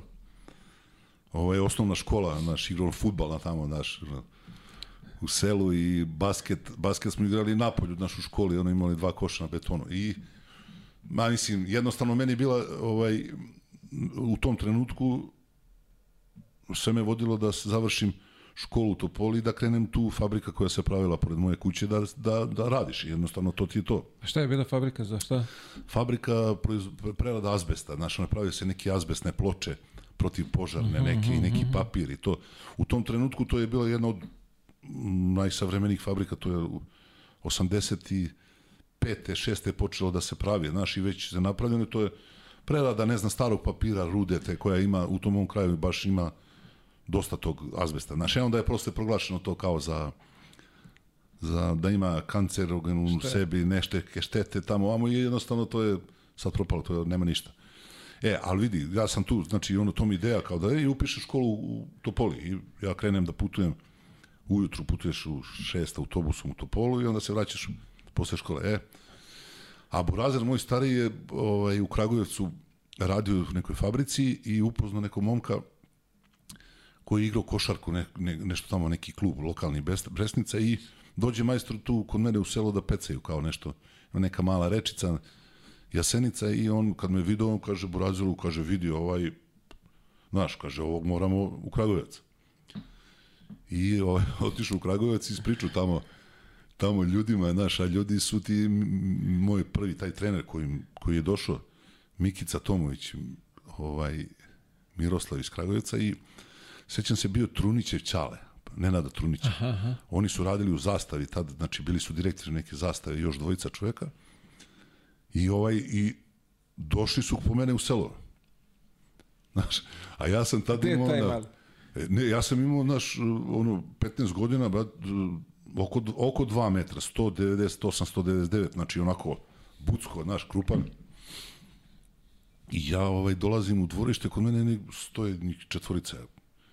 I kao jesi ti taj to, ja kažem jesam, pa kao, znaš, mi smo to on rekao, čeka za onem kevu, tu, znaš, Ćale stalno nešto radio na terenima. I jednostavno, ajde, da probam, da probam, brate, I eto, na nagor Miroslava Mikice, tog mog, ja sam počeo to da treniram, znaš, ali sam, Sa 15. pa skoro 16, 16. da, ali vidi, kako sam ja trenirao, znači šta sam radio, ja sam ti išao u- Topolu prvu godinu, ovaj, to ti je nekih 20 km prema Beogradu, ujutru ustaneš, ideš u autobusom, da se vratim kući, oko dva, dođem kući, jedan, dva, i onda u popodne u pola šest sam imao autobus za Kragujevac. Znači, trening od, ne znam, od 7 do jedno 9, pola 10 i onda autobus u 10 i 15 završe ovi radnici zastave druga smena ja s njima Nas. u kući, 30 km. To je, to je trajalo, da ti kažem, jedno 6, 6 meseci, 7. Wow. Znači, na početku, to kad sam počeo i, znaš, ono, kad rasteš, kad počinješ da treniraš, ja sam imao ogromne bolove, znaš, u, u stopalima dole, u kolenima, ono, znaš, cevanica, znaš, kad Da, da, da. rasteš, a treniraš i onda te to sve boli, znaš, pa hoćeš da odustaneš, pa ovo, pa ono, znaš, ja kad, e, najviše sam porastao u osmom razredu, ja mislim 15 cm i sećam se, znaš, igraš na betonu, tamo trčiš, skačeš i onda se, kad se ohlade noge, nema šanse da dođeš do kuće. Nego sve, treba mi sat vremena da pređem 2 km. Delimično sam prošao kroz to. Pa znam zato ti, da, i onda znaš to izgleda ne- neko kad pričaš kao ma sao, ali jednostavno to na početku hoću, neću, da li da prestanem, da li da ne prestanem. I onda sam prešao sledeće leto u Kragujevac i to je krenulo A sad, ti 4-5 si, sati dnevno. ti si, znači, ideš busom kontra od Kragujevca u Kontra, školu, jeste. vratiš se pa u Kragujevac, pa se čekaš dole da, da završe ljudi smenu da bi došao kući. Smeni i onda dođeš kući uveče oko 11. Oko 11, tako. A zamisli sad ovi, odvezi na trening, sačekaj, pa pokupi nazad. Pa znaš šta, ja, ja, ja sam, kažem, ono u selu rođen, naš, tu sam odrastao, jednostavno mala kućica neka bila, naš, prošao si nešto, nije bilo tu ni uslova, pazi, ni, nismo imali ni vodu u, u toj kućici, nego napolju česma, znaš, pa nemaš mašinu za veš, pa ovo, pa ono. I onda ja kad sam otišao u Kragujevac, to je meni bilo, znaš, daju mi, sećam se, u samačku hotelu sam živao, sa ra nekim čovekom koji radi inženjer iz zastave, znaš, onako, deliš sobu, hraniš se u studentskom domu, znaš kako ti to?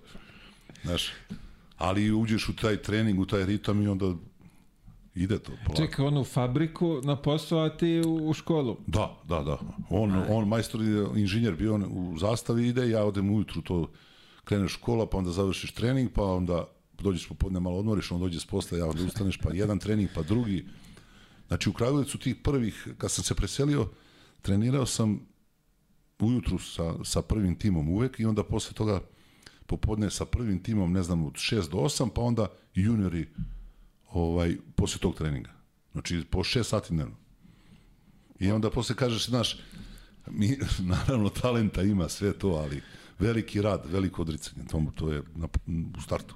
Mora malo da se zapne, što bi Ma se kako, reklo. ma kako. Znači, ja sam to do, u Kragujevcu sve to vreme bio sam sa, sa tim Mikicom mojim t- trenerom, koji je mnogo veliki radnik, on je i Lončara trenirao, i našao i Trunića i bilo je tu još još igrača iz tih nekih, nekih naših generacija koji ali nisu, ono, na početku smo pričali, nisu imali toliko volje, želje, nisu uspeli, a mogli su da naprave još nešto, znaš. A šta je tebe sad, eh, kad pričaš o želje, šta je tebe teralo da, da, da, Pa, da treniraš toliko? Pa ono što sam ti malo pre rekao, jednostavno, znaš, kad sam otišao od kuće, ti ono, znaš, u jednom trenutku se otvara, otvaraju te neke nove mogućnosti, mogućnosti, znaš, ono, da kroz to, e, pazi, kad meni na kraju pameti nije bila košarka, znaš, da, da ću krenuti u to. Ali jednostavno, znaš, negde sam se vodio onom situacijom gde, gde, gde da se vratim, znaš, gde ću da se vratim ja ako ne budem uspeo u ovome, ovaj, ka, kao što sam ti rekao, nije to bila neka sjajna situacija Jasno. finansijski, naš Ćale radio dugo ono godinama po terenima, naš ide ode pa dođe mesec dana, mi smo s Kevom, ja i brat najviše vremena je provodili. I, I mogu ti reći da mi tu najviše ta Mikica tu, tu usadio taj neki rad i tu neku naš i priču, idemo dalje, teraš, igraćeš ovde, igraćeš ovde, igraćeš znaš. I jednostavno, znaš kako, ja sam, da ti kažem, vrlo brzo, za, za godinu i po dana, dve, već došao do nekog, znaš, ono, igrao sam, igrali smo uh, B ligu, ja mislim, u Kragujevcu, bilo tu do, dosta dobrih igrača, starih igrača, znaš. B ligu i onda ta, sa, sa 18 godina sam igrao ovaj, uh, protiv, ne znam, OKK Beograda ili Radničkog ovde u Beogradu. I tu sam, tu sam ovaj, tu me Dule video i da eto, posle dve godine, dve i po godine treninga ja sam došao u situaciju da, da, da dođeš u Partizan. Wow. A, ja to stalo šikija zezam, šilobada. Ja, ovaj, ja sam bio u Kragujevcu, na primjer, ja, ovaj, kad je on igrao za zvezdu, znači kad je davo po 10-15 pojena zakucao, ja kažem, ono, ležiš, gledaš, kažem, Karliću, ja ovako, da li ću uopšte ja ovako, znaš. E, onda dođeš da igraš, da igraš s njimi, tako. Reci, kad si počinjao to, kad si zavoleo, kad je sve, sve to krenulo, jesi ono mašto nešto šta bi volio da, da dostigneš? Pa jesam, kako nisam, naravno. Znači, ono, pa, pazi, Partizan, ja sam uvijek ono, u kući su svi partizanovci, znaš. I Partizan, meni to bilo ono Euroliga, ono, znaš, kad su onda igrali Divac, ne znam, Grba, znaš, to gledaš na televiziji sve kažeš kad ću ja ovako, pa onda reprezentacije, znaš, ono sve, jednostavno, ali znaš, e, sve ti to maštaš kao mali, daj, voleo bi ovo, ali kad se desila ta situacija da, da prvi put dođeš u situaciju da, da na razgovor sa Duletom i s ovima, da ti dođeš u Partizan, kajem šta je ovo, da li je ovo, znaš, da li je to to, da li se to dešava, znaš, u tom trenutku. Jel Dule dolazi u Kragujevac da priča s tobom ili to ovde bilo za vreme... Znaš kako je to bilo? Znači, Mikica je dobar prijatelj s Duletom. Uh -huh. Mhm. Oni su u kontaktu bili ranije. Znaš, to ono nije bilo mobili, nego onaj fiksni, pa se čuješ kad se čuješ. I ovaj, u jednom trenutku smo mi igrali u utakmicu protiv radničkog ovaj, na Crvenom krstu. Znaš, i sad, kažem, dobra ekipa, bio to ni, e, Cakić neki koji je igrao za IMT, pa e, ovaj, Bokci Đurić koji je igrao za Bosnu. Baš do, do, dosta dobrih, dobro su mi ekipu imali. I u jednom trenutku bio taj moj pokojni drugar iz Pljevalja, Jova Koružić, kaže meni pre utakmice, e, mali, danas te prodajem, kao, znaš, on, ja kažem, šta, šta ti bre, Jovo, znaš, čepi, a ovaj Cakić ima brko, onako iz grdelice, danas će gi cepiš sve, znaš, kaže on, je, kaže, šta di cep? I tek ja provalim, znači, ja u trenutku zagrejavanje tamo, ovamo, vidim Duleta, znaš, u, u publici, ne znam, Toša ko je ne znam, stvarno, naš, ali Dule je bio. I sad tu utakmica, ja sam zakucao jedno 6-7 puta, ali sve na njihove, na asistencije ovih dvojice, znaš, jer su oni su već u glavi toliko iskusni bili, znaju što je ovaj došao, znaš, a ja, šta ja, 18 godina, 17 i po... I ja sam tu dao, slagaću, 20 i nešto pojena, znači, igrao fenomenalno i završi se utakmica i meni ova, oni kažu, bio si odličan. Znači, zašto sam bio odličan? E sad, pazi, vraćamo se mi u Kragujevac i sad sledeći, posle nekog vremena, ovaj, uh, juniorsko prvenstvo u Boru. Za, za moju generaciju 70. godište. Znači. I mi tu ovaj, smo osvojili drugo mesto, Zvezda bila prva, mi smo dobili Zvezdu pet razlike, a trebalo nam šest. A imali smo, na primjer, sedam razlike na 5 sekundi do kraja, ovaj moj neki izvede loptu u ruke, Mirku Pavlović i ovaj Dakoš, naš. Cvele, Mirko, to je ta ekipa, naš. I ja se tu bio proglašen za najbolji igrača tog, tog, tog turnira. I maj, dođem u, u Kragujevac uveče, legnem, ne znam, kad smo se mi vratili, 8, 9, 10, 11, majstor u 5 ujutru, na vrata neko lupa, kaže, ja otvaram moj taj Mikica trener, kaže, mali oblači se, on mene zvao mali, znaš, i stvari i mene i Loki, i sve nas je mali. Kaže, oblači se. Kaže, šta se oblačim? Kaže, ajde, idemo. Te idemo. Brat, ja sam obuku farmerke, majicu, patike i mi smo krenuli. To je sad, slaga, da li je to šest ujutru, tako nešto. Na, I mi u autobus, autobuska stanica. mi u autobus, kažu meni ti pozadine, sedneš, ja sednem, spavam, brate, vozi, ovaj, vozi, vozi, vozi, majstor mi u Beograd, na autobusku stanicu i sa autobuske stanice pešaka do stadiona. Znači, on je mene doveo na stadion, znaš, Partizana. U nekom trenutku tu Kića, Toša, Dule, on s njima priča, ja ništa nisam pričao s njima.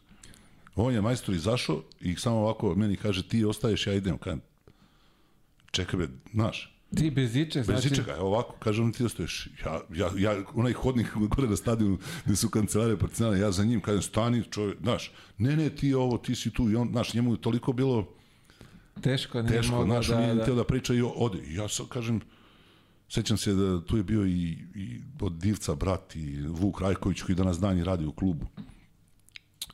Oni mene smeste u hotel Putnik na Novom Beogradu. znači, sad treba da ideš na trening uveče, znaš. Ja treba da idem na trening kod Duleta, tu su Divac, Paspaj, Sale, Đorđević, jedan, drugi, Željko je igrao, razumeš?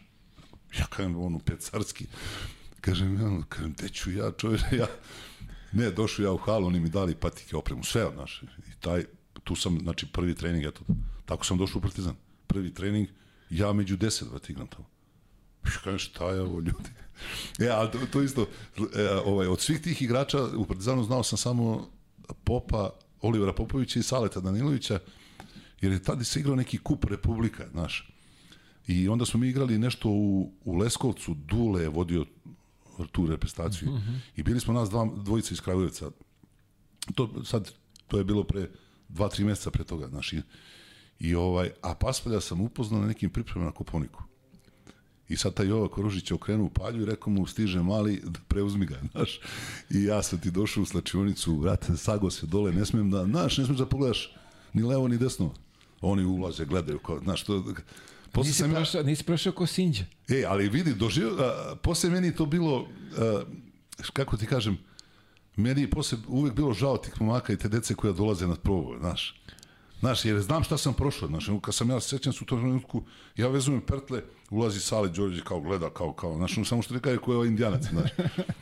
I, ili ali, Ivo Nakić, znaš, i ta, ta ekipa Ali Palja, kad je ušao Palja utru, gde je ovaj mali iz Kragovica, znaš, ja, kad ja ovako, kad tu, a ideš posle sa mnom, ti si moj od danas, znaš, i, i, i tako je bilo, znaš. Znači, to, to, ali kažem ti, ti dođeš i posle, posle sam ja uvijek ta deca koja dođu na probu, to je sme, Željko, znaš, kaže meni, ajde sad ti, ako su visoki, igraš jedan na jedan tamo, da on vidi šta on zna, a Loki dao je male, a, Loki je peglo, Loki nije pustio nikoga, on kaže meni, Maco, nas neko puštao da igramo, nas neko kao, znaš, puštao kao da, da ne damo koš, pa nije niko, znaš, i, tako to su ti neki prvi početci, eto. Ovaj, i kažem, a brzo to, znaš, kad si ti, ok, i kad si u komunikaciji, kad si ovako, znaš, brzo to uđe u, u ritam. A kako se zove, nisi imao, lepo ste primili, niste, ko, ko što je Sinđa ispričao Pa ovde da, za, Sinđe. za... Pa dobro, Sinđe je show s njim. A bio si deo toga. Pa jesam uvek, znači s njim, znači to, pa evo i danas dan je ono što je ovom pristo pričao, znači danas dan i ne možeš sa čovekom da se ovaj da budeš da pričaš normalno da komunikaciju nego stalno e, ovaj smeh neki što je dobro naravno ali kažem ja sam u tom trenutku brzo prošao i brzo sam ušao u tu u, u tu opuštenu atmosferu i tu kako treba čekaj, za, ta imena koja su bila kad si ti pojavio?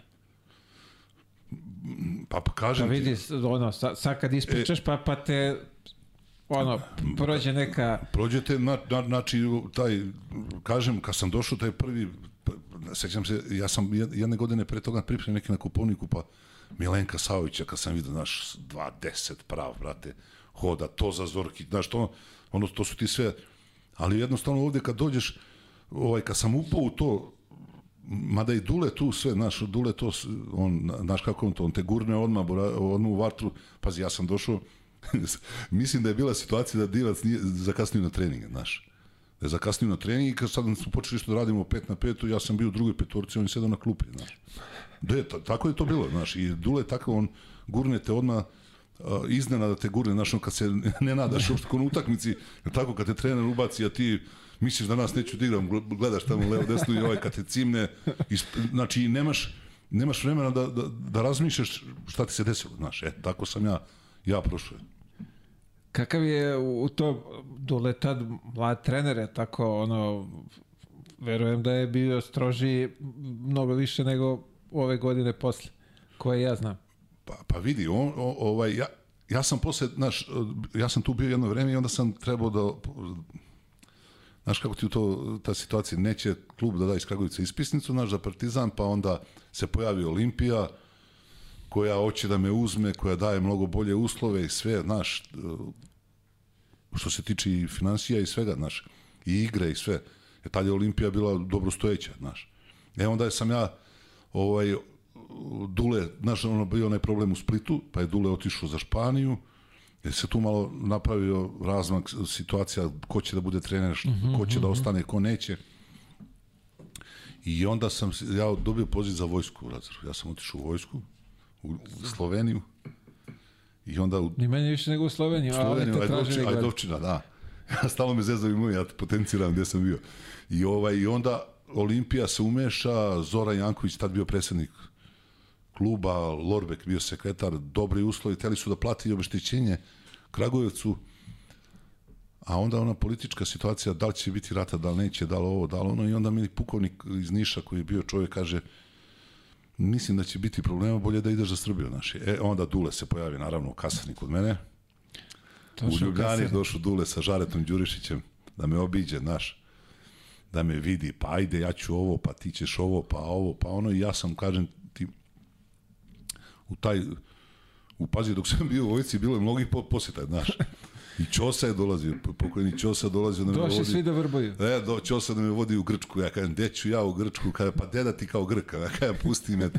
Kaže meni Ćosa, e, u Zadar. Pa kažem, to još bolje. Rekao, odlično.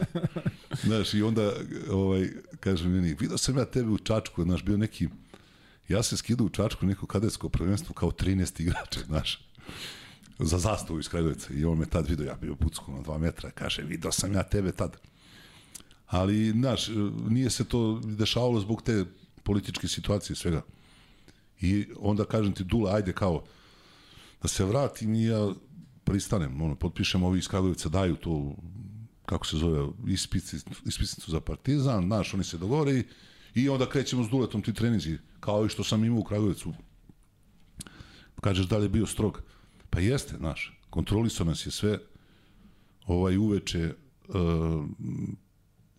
od mog, znači, znaš, ono bila priča, jeste, uzimo i ključeve stanova, to sve da kontrolisuje. U to moje vreme nije bilo, ali, ali su dolazili, znači, Naser i, i on su dođu uveče u 12 sati, vide da li si kući, znaš, jer ja sam tad došao, bili smo ja i Sale Danilović, uh, Oliver Popović te prve godine bio je Mutavđić, uh, Muta 72. godište. Bilo je nas dosta tu mladih igrača, znaš, i onda je on to kontrolisao. Ali smo trenirali stvarno dosta, znaš, mi u hali sportova dođeš ujutru, ne znam, od 8 do 10 radiš s njim, sa Naserom, pa onda od 10 dođu ovi stari, sat, sat i po vremena, ne znam, tad nije bilo ono, ko sad ovaj, naš on bandaža, pa ajde ujutru jutarnji trening, nego šutiraš, bilo ono ubaciš, ubaciš 200 i to palja, palja ubaci 200, oni Marko ubace za 20 minuta i idu, razumeš? Da. A mi mali, mladi tad, kreneš u 8, završiš u 11, pa ideš ručaš, pa dođeš opet sat vremena popodne pre svih i tako. Dosta se radilo. Dosta se radilo, jer vidi, a, sad se vraćam na tog mog prvog trenera, on mi u jednom trenutku rekao, ja što sam mogu da te naučim, ja sam te naučio. A on me stvarno fizički doveo bio onako do nekog maksimuma i te neke stvari koje sam s njim radio, kad sam došao kod Duleta, ja sam mnogo naučio drugih stvari, tehnike. Tehnike šuta, tehnike zakoraka. Znaš, sad ti odbranu kad igraš imaš osjećaj, nemaš osjećaj neke brze ruke, tamo vam nebitno. Ali stvarno sam s Duletom mnogo radio i sa Naserom u tom, tom periodu, znaš, ti, oni detalja, sitnica koje mnogo znače u, u košarci. Da li ti je ruka ovde, da li ti je ruka onde koje se ovako dok gledaš na TV-u i ne primećuje, da, ali da, to da, su ti neki to su detalji. Ne, e, onda, onda sećam se, ja, kažem, Dule kaže meni, vidi, mlad si momak, lep si tamo, imaš, imaš neku knjigu, pročitaš, znaš, ono, pa ti pokloni knjigu, znaš. I onda me posle pet dana pita, znaš, onako, je li, šta si pročitao? Makar 20-30 strana. u 20, šta se dešava u trećoj, četvrtoj? Pusti me čoveče. Znaš, tako da, Pa znači, dobro, je deljenje knjiga i, i u tom periodu. Jeste, jeste, jeste. Znači, pozorište, znaš, ono, pa, malo bi malo da izađeš u pozorište, malo ovo. Bilo, bilo.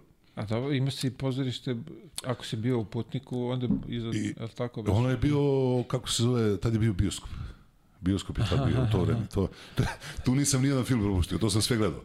Znači, tu smo, ono, znači, tu, tu živeli, e onda kad sam izašao iz Putnika, živeo sam iza, iza odma onda neke male zgradice, tu sam živeo tri, dve, tri godine, ne znam ja koliko, dve godine. Lepo su uklopili, to je, ovaj, viš, pa vodilo je. se računa i, u, što bi se rekla, u to vreme se vodilo računa i obrazovanje i da si kući Jest, i rad. da si kući. da, jednom se sećam sam zakasnio, bio sam sa paljom negde, otišli na piće i u minut do 12 sam ušao i sad vidim ja dole auto, neki se ljulja, znaš, i dule se baci da ga ne vidim, ja gore na, na vrata, a, a Nasser zvoni na vratima kao Zoki majstore koliko sati je, pa kažem minut do 12. U pucanj si ušao. Aj, da, zezaš. pa da. Kakvi, Bio, kakvi špijuni. špijuni, brate, žešće. žešće. A, a čekaj, za Palju nije važilo to, Palja je nastavljao dalje. Pa dobro, Palja, zavažilo kao za sve, naš, ali Palja, onaj, kaže, ko ne dođe ovaj, na vreme ima kaznu, naš stipendiju u tom, ili platu, ne mogu kao. Volim ovo, ne treba, ne, ne, ne treba, znaš, ili za trening sa Miletom Karalevićem, to je isto. Čekaj, Karaleja bio tada u Partizanu?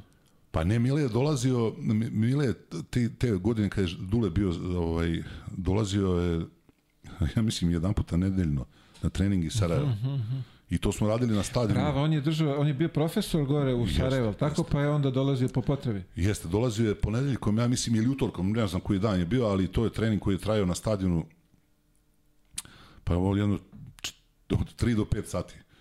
Naš trčanja, skokova, stepenica, teretana je tamo, mi se palja prvi put kad je se ovaj kad je video Mileta ovu kaže nećete me više videti naš jer nije znao nismo ni znali ko je ja nisam imao pojma naš Mile ko je Mile Ovaj, I onda sledeći put trening, ne znam, utorak, 9 sati na stadionu palje nema. Sled, sledeća nedelja pa i ovaj kaže kazno, kaže, ma nema problema, uzmi celu stipendiju, platu, kaže, zdravlje nije bitno. oh, majko. Bilo, bilo je svega. A vidiš, na, na njušije, na njušije palja de, ovaj, de vreba. opasnost, opasnost, opasnost treba, da, ali Verujem da je tu šege ovaj, iz Ebancije bilo na preteku. Ma koliko hoćeš, pa ne, mislim ja sad, kažem, opet sam Sinđu slušao, ovaj, gledao sam vas, znaš, tako kad ti neko spomene nešto, pa onda se to samo nadovezuje. Sad pričamo o palji, znači, ti odeš na pripreme, odvedu nas u, u igalo, znaš, onaj, kako se zove, ono, Simo, Simo Milošević, tako, onaj centar. Za rehabilitaciju, ono, to je bilo... Ne mogu se ti kako se pa zove, 90, da, ali... 90. godina, znači. I sad ti imaš u sobi, ti imaš u hotelu, u TV sali jedan televizor samo, znaš. Mi prvo veče gledamo TV, gledamo TV, razumeš, svi tu, ono, nas, mi, klinci, tamo Željko, ne znam, Ivo, Palja, oni tu odu popiju piće, vrate se mi. S drugi dan, brate, nema televizora, znaš. I sad ne kažem, šta je bre ovo, kako da ne moguće, ne znaš, šta ti radiš, što nije bilo telefona, ničega, što bre, nema. Šta imaš ovde možda? Što da... čitaš knjigu, što ti da dule ili da... E, I sad ja, brate, prolazim i sa palja u sobi pored mene čujem ja nešto, znaš, priča nešto, šta priča ovaj sam, znam da je sam u sobi. Ja na vrata, on kaže, ću, onako, ćuti, ćuti, kao upade. On uzme majstor televizor iz TV sale i ubaci u svoju sobu, razumeš? To, to, to, to, ili slovo kad kaže, Slobaš Janđi kaže, pita, pita Mile Karaleja kao što je ovaj, ili Dule koji je bio, kao gde je paspalja, ovaj kaže, evo ga u sobi, pa kaže, što, što nije došao, a ne znam, ima temperaturu, ovaj ga pita, pa koliko ima, što znam ja, 49, 50, što znam. što zna ja, čet... Ovaj, kojla. A da, vidi, on je važio, pa dobro, on je posle i sa, sa, sa, sa Karijem Da, da, da. Vedri i oblačio što se ti priprema kondicije. Pa oni su tiče. u Albi bili dugo godina, znaš, Alba, tako ban, gde su posle sve zajedno bili? Pa dugo su godina. Dugo, dugo su, su. Dugo. Mi smo sledeće godine, ono, kad smo igrali, osvojili šampiona, Ligu šampiona kup, smo radili, ja mislim, po programu onog Mirka Krola, ja mislim da se tako iz Splita, koji je bio u Jugoplastici dugo. Tad smo mi po njegovom programu radili tu, odradili te pripreme i celu tu sezonu. Kako je bilo te godine, što bi se reklo? To Dule odlazi, a dolazi Željko, vi ste malo te sa igrači, treba relacija igrač, trener, pa onda igrač, igrač, pa treba sad Čudna situacija. preveslati da, da je trener, da, da, da kako se obraćaš, kako komuniciraš.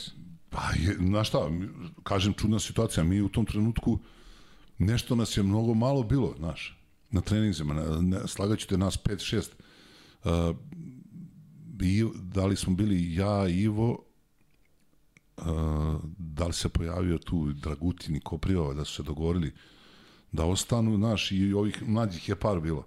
Ali su oni bili na, na pripremu s reprezentacijom, naš Sale Đorđević, Danilović, I u tom trenutku se to lomi sve, šta oni se pričaju, ne znam, treba je ono da, da, da dođe, koga su sve zvali u tom trenutku, ne, ne sećam se ni stvarno više, ali u tom trenutku trening u hali sportova i samo vidiš ti Željko koji je treba da putuje u Italiju, tamo na Evropsku, on se pojavljuje tu. Pojavljuje se i ovaj, kako se zove, Milenko s njim, i sad oni kažu Željko je kao trener, znaš, a to je Kića, te, Kića te ima, Kićanović te ideje, znaš, on ti to nišani, nišani i onda kad udari, udari, znaš, takav je godinama i sa Duletom, tako isto bilo. I on je postavio isto Duleta mladog, tako, koji nije imao iskustva neko da vodi. I onda Željka postavi i profu, profu Nikolića, Acu, koji je se u tom trenutku i on došao s njima, koji je mnogo uticao na sve to, znaš, na taj odnos i igru i sve. Ali čudna situacija, znači ja sam sa Željkom, na primjer, sedeo, mi smo sedeli u onom starom Merkatoru tamo, posle treninga godina popijemo piće. Sediš s njim, par puta sam bio, malo pre sam ti pričao da pripreme u ovom, kako zove, Igalu, bili smo u sobi zajedno, znaš. I onda ti sad u jednom trenutku, Vlada Dragutinović, na primjer, Ivo Nakić, nisu razdvajali s njim. Oni su ti non stop bili zajedno. Njih trojica. Znaš, ono, završeš trening, znaš sam kako je, završeš Da, trening, idemo da. na kafu, tamo idemo na piće, idemo na ručak. I sad, Željko sutradan, taj prvi trening, znači on je okupio nas i rekao nam, je, momci, mi smo do sad bili u takvim odnosima, tako smo funkcionisali, sad se to menja. Kaže, neću se ja promeniti prema vama kao čovjek, ali te neke stvari, trener, igrač tamo, ovamo je naš i jednostavno se to, da ti kažem, mnogo brzo uklopilo, znaš. Jer on je, pazi, on je godinama pre toga to sve pisao, beležio, imao, naš, treninge, situacije sa utakmice, znaš, vidi, znaš koliko je puta on, dok smo igrali tu zadnju godinu, zaustavi trening, znaš, pa objašnjava, stani što ne uradiš ovako, što ne uradiš, onda ga Dule ga pustio, znaš. Jer ovaj bio tad i najiskusniji kapiten, i, znaš, i nikad nije napravio grešku u nekoj situaciji, nego mi mladi igrači, znaš, ono, kreneš tamo, stani, ne treba tamo, pa ovamo, pa te gura, pa ovo. I, znaš, brzo se uklopilo, brzo se uklopilo na, na iznenađenje svih. Je li nekom teško palo? Man, pa nije, znaš. Najteže je bilo tu sa profom, znaš. Sa profom je bilo najteže, jer on je... Ali, pazi, i Željko je imao, a to je sigurno i od profe naučio, ne znam, od ovih starih. Znaš, kad oni, na primjer, nisu na treningu, ti moraš se ponašaš 20% bolje nego kad su ovi, kad je glavni trener tu, naš pomoćni ili prof.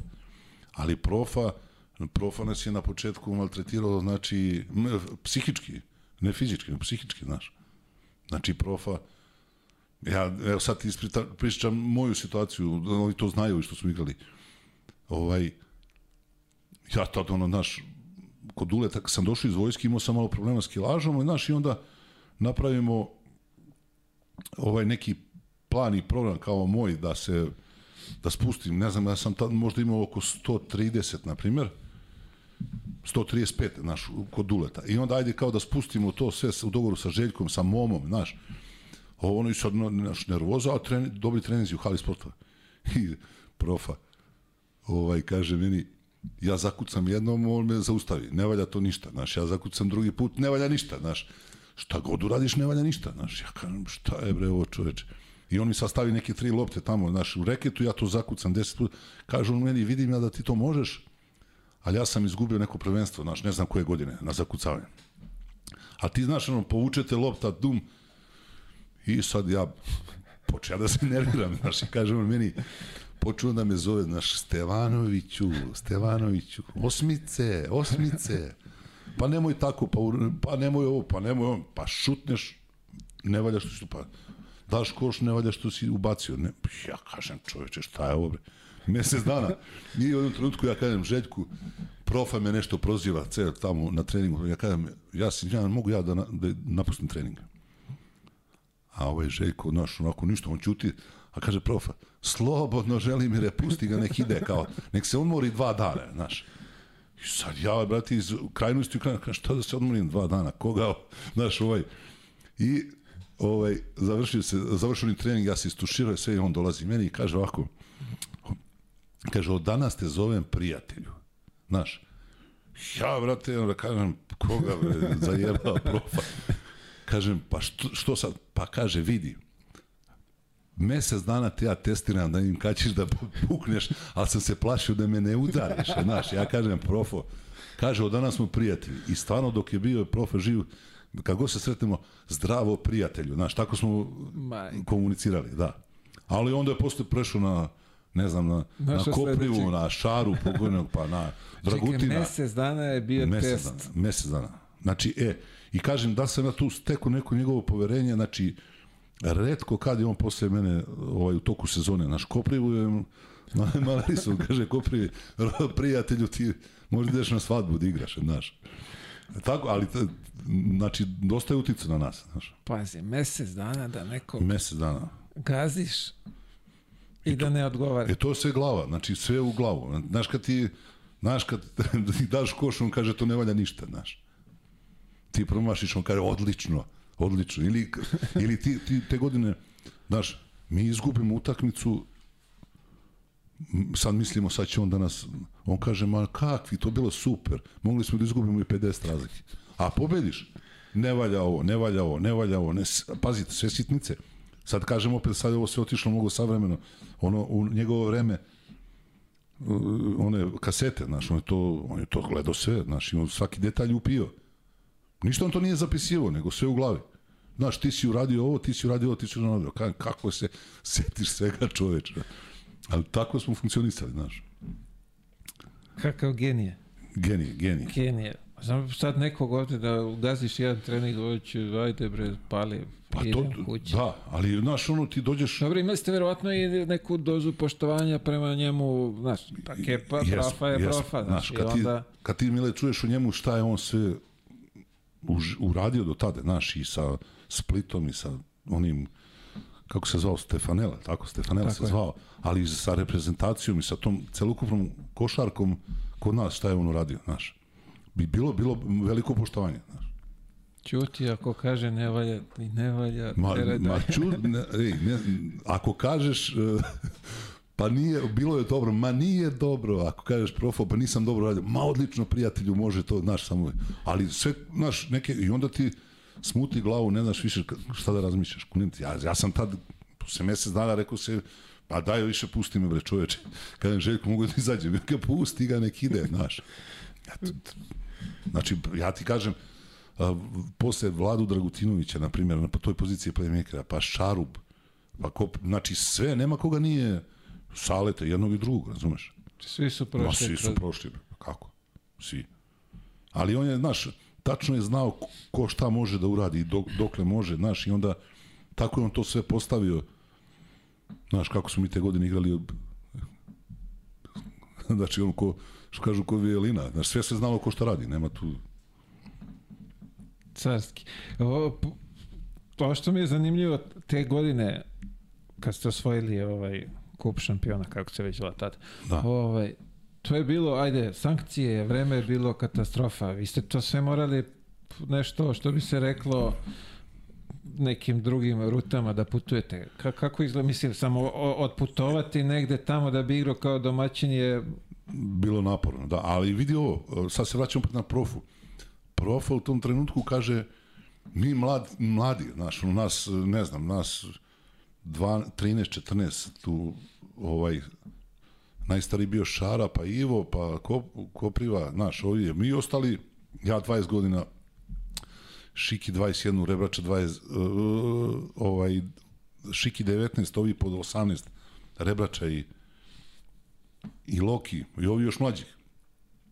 Znaš, i sad u tom trenutku profa kaže, ljudi, ja nisam za to da, mi, da kao igramo taj kup šampiona, znaš.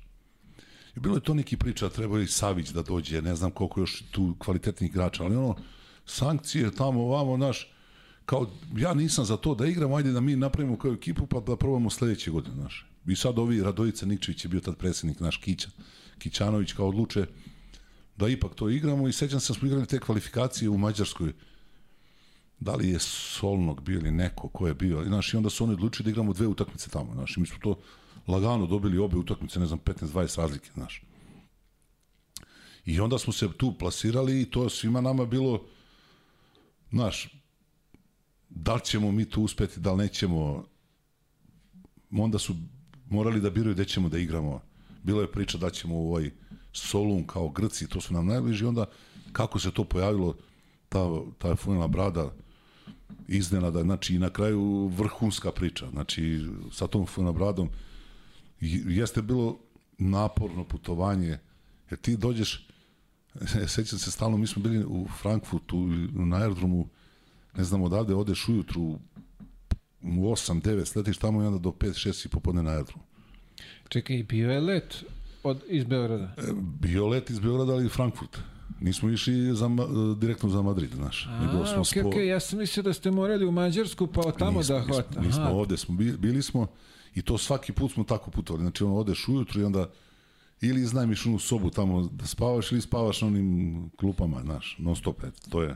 Lomljavina živa. Pa lomljavina, pa ti znaš sam kad uđeš u avion kako je, ili onaj... Znači, ja zamisli kad imaš 15, 15 ljudi po, po 2 metra i sad dobiješ one trojica u redu, brad, treba se smestiti, razumeš? Eto. Bilo, bilo stvarno naporno, naporno putovanje, ali kažem, vrhunska priča sa tim mestom, sa, sa tim ljudima koji su nas zavoleli, zgo, znaš, našli, su, našli smo se jedni s drugima, znaš. Neka energija se ovaj, spostavila, znaš, bilo je tu i problema posle po novinama, znaš, kako su ovi navijaju za srpsku ekipu protiv španskih ekipa, pored, protiv Juventuda i onaj, tad je bio Estudiantes. Ali mnogo lepo, znaš. Pa prirasli ste im srcu neko pa da. Verovatno pa, e, došli klinci, ajde podržimo klince, kako e, to već Klinci došli, a pazi, to je predgrađe uh, ono, to Madrida. Ja sad, na primjer, e, sad, kad smo mi išli, išli smo na Lončar i Šiki pre 6-7 godina, sad to više nije to, to je sad sve spojeno. Šta, znaš. sad je grad. Sad, sad je grad, ali on je bila, grad. i on čovjek nas vozi, mi dolazimo samo hala, brate, i okolo on neki, onaj pesak, neke zemlje, znaš. To je tad bilo kad smo mi. Ali, pazi, mi smo imali na treninzima, ne znam, ono po 200-300 ljudi, pa sećam se, mislim da je Daniloviću bio rođen, tu je bilo 2000 ljudi u sali. Znači, tortu su doneli, to. Znači, kad završiš utakmicu, mi su se po tri puta vraćali ovaj, u halu da, ovaj, za aplauze i ovo. Znači, baš, baš onako porodična atmosfera bila. Jak sam dobro razumeo, taj deo je napravljen kao za, za radničku, za radnike, Jest. ovaj, da, i onda su verovatno i oni jedini bili tu koji su vas ovaj pod... Ne verujem da je neko iz Madrida dolazio. Ma kako, e, znaš ko je bio? Ne, ne, mislim iz Madrida. Dolazili su stalno, znači to, to, to je Radomir Antić pokojni je bio na svakoj utakmici i Robert Prostinečki tada igrao za Real, on je dolazio da nas gleda, znaš. Jer on je bio sa Saletom i sa Ivom, Saletom Đorđećem i Ivom su bili ovde u Beogradu, su se poznavali, družili se, da, znaš, da, onda kad je, pre. kad je došao tamo, on je dolazio da nas gleda, znaš. I mora ono, da se krije, da ga ne vidi niko da. ili... Ne, ne, ne, sedeo uvek u, u prvom redu, kakvi. Oni su sedeli dole to, naš iza tamo, prvi red je bio onaj. Uh, negde sam uh, pročito da, da li tvoje, da li si ko ti rekao ili ko je već pričao da je Ivo Nakić, pošto je tad bio u to vreme, ovaj, baš ono, katastrofa vreme, loše vreme za, za celu zemlju, da je imao i, i problema dok je, a da nije iznosio... Ovaj... E, to, to je Ivo imao problema, ali to mi nismo znali, to je jedino Vlada znao. I Vlada i Željko. Vlada Dragutinović. Jer oni su bili cimeri, znaš, to je imao je problema u Istanbulu na, na završnom turniru. Ovaj, I on je taj turnir i onako kad pogledaš najlošije možda i odigrao u tom nekom smislu po, naš, jer on je bio ono šuter, naš, on, ajde, Ivo da 15 pojena, to je na, na, dosta, naš, 15-20 pojena. Mi to nismo znali tek kad se to sve završilo, mi smo saznali da ima velike pretnje ovaj, i roditelji njegovi i on, ovaj, jer njemu su roditelji u Rijeci ži, ži, bili u tom trenutku, znaš.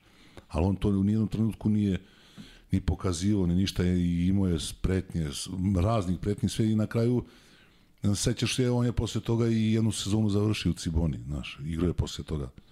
Jer je bilo ovako, kaže mi, posle mi vlada pričao, znaš, da je to baš bilo u tom trenutku baš teško, znaš, za njega, jer telefonski poziv u hotelu, pazi. Wow. Znaš, ti dobiješ telefonski, nađu tu u Istanbulu, u hotelu znaš, i soba tad, i sve. tad, tad nije bilo, kažem, opet mobilnih, ništa, znaš to. I našli su ga i, i te, baš mu je teško bilo. Ozbiljan, o, ozbiljan ps- psihički Da, da, ozbiljno, ozbiljno. problem, opterećenje, kako Pazi, on, on, on, poslije se on malo nešto radovao, radovao se naravno, znaš, ono, ali kad smo bili u hotelu, sve to, i onda ti saznaš poslije 4-5 dana šta je bilo sve, znaš, šta, šta je on sve prošao. To je, Muka. wow. Muka. šta je sve od one bivše Jugije, pa mislim, na što su ljudi sve bili spremni Sprem, da je, da, da, je to da, da, da, na šta su sve spremni da urade sve da bi nekom, katastrofa. znaš, naudili nešto. katastrofa, ne mogu. To je užasno. A, Re, i to je isto sad, pričali ste o tome, jesi ti sudelovao u ovom, što bi se reklo, švrcovanju ovih rezervnih delova. A je, jesam. To, to rebraču, za rebraču. Pa da. Evo, moguće da ste vukli tu celu... Vukli to? smo u Auspuk, brate, ubio sam ga. Znači, teo sam da gubim posle toga. E, ali on tad, uh, on tad nije išao, nije putovao, znaš, bio nešto bolestan. Ma joj, čuti da, sa, sa tim kolima, ej, mi smo ti tad, te prve godine, Koji je auto bio pitanje, mate? uh, Alfa, Alfa 30 trojka neka, tako, on to kupio nešto od, od, od Koprive, znaš, a Lončar kupio od Željka, znaš. A ja u tom trenutku vozio Golfa, ovaj, a nismo ni imali dozvole nikoga, mi smo svi bez dozvola vozili. To je haos, brate. A sećam se, hranili smo se dole u Orlu, znaš, ovde u 29.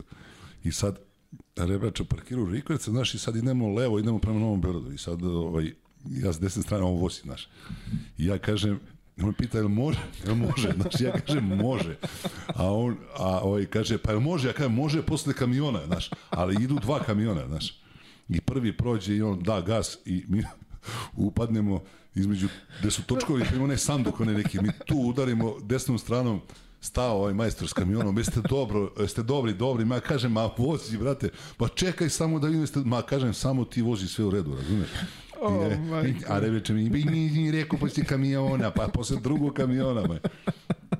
Ma ne, pa to je. A, a dobro je vidi, Alfa Romeo sreća ne kvari se, ovaj, tako da, Da, da, da, da.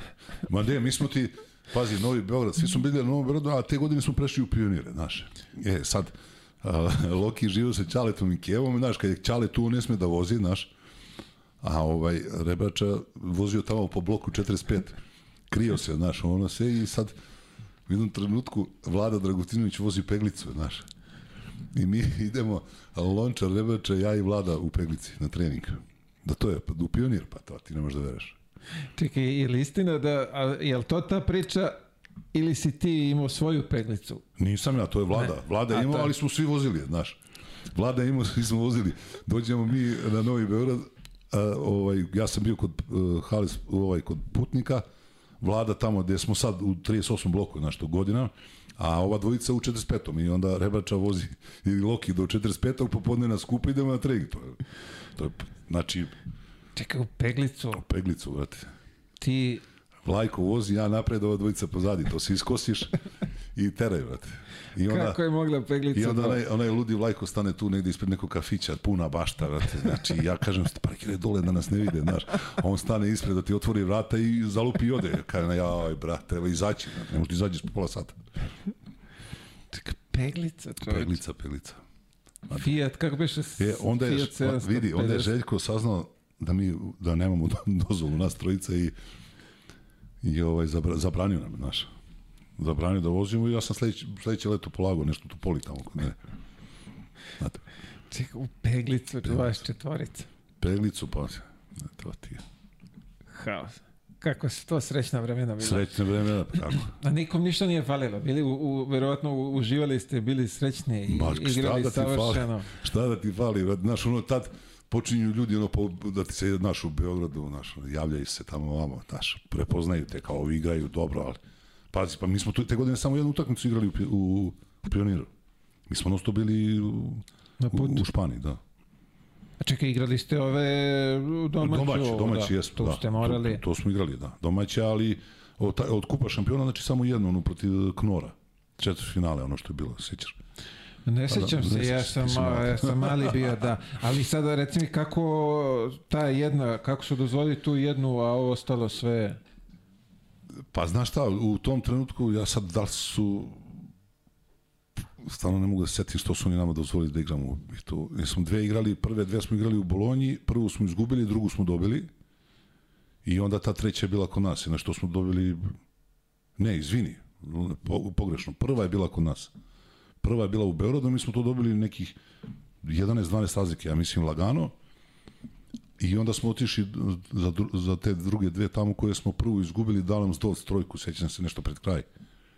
I onda smo tu drugu slomili, ovaj, dobili, ja slomim tablu nešto početkom, slagajući te četvrti i peti minuta, znaš, oni povedoše 7-8 razlike, 10.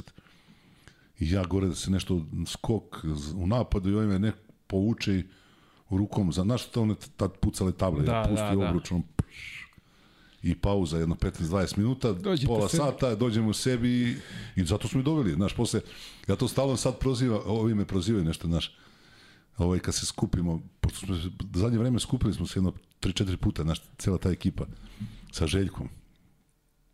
I sad oni počnu nešto proziva, kao malo lavi prvo Bolonja, a drugo rekao dva penala, rekao u Fune bradi, da nije bilo dva penala, ne bi bilo četiri finala. I onda Željko samo čuti, ovi, kao sve si u pravu, znaš.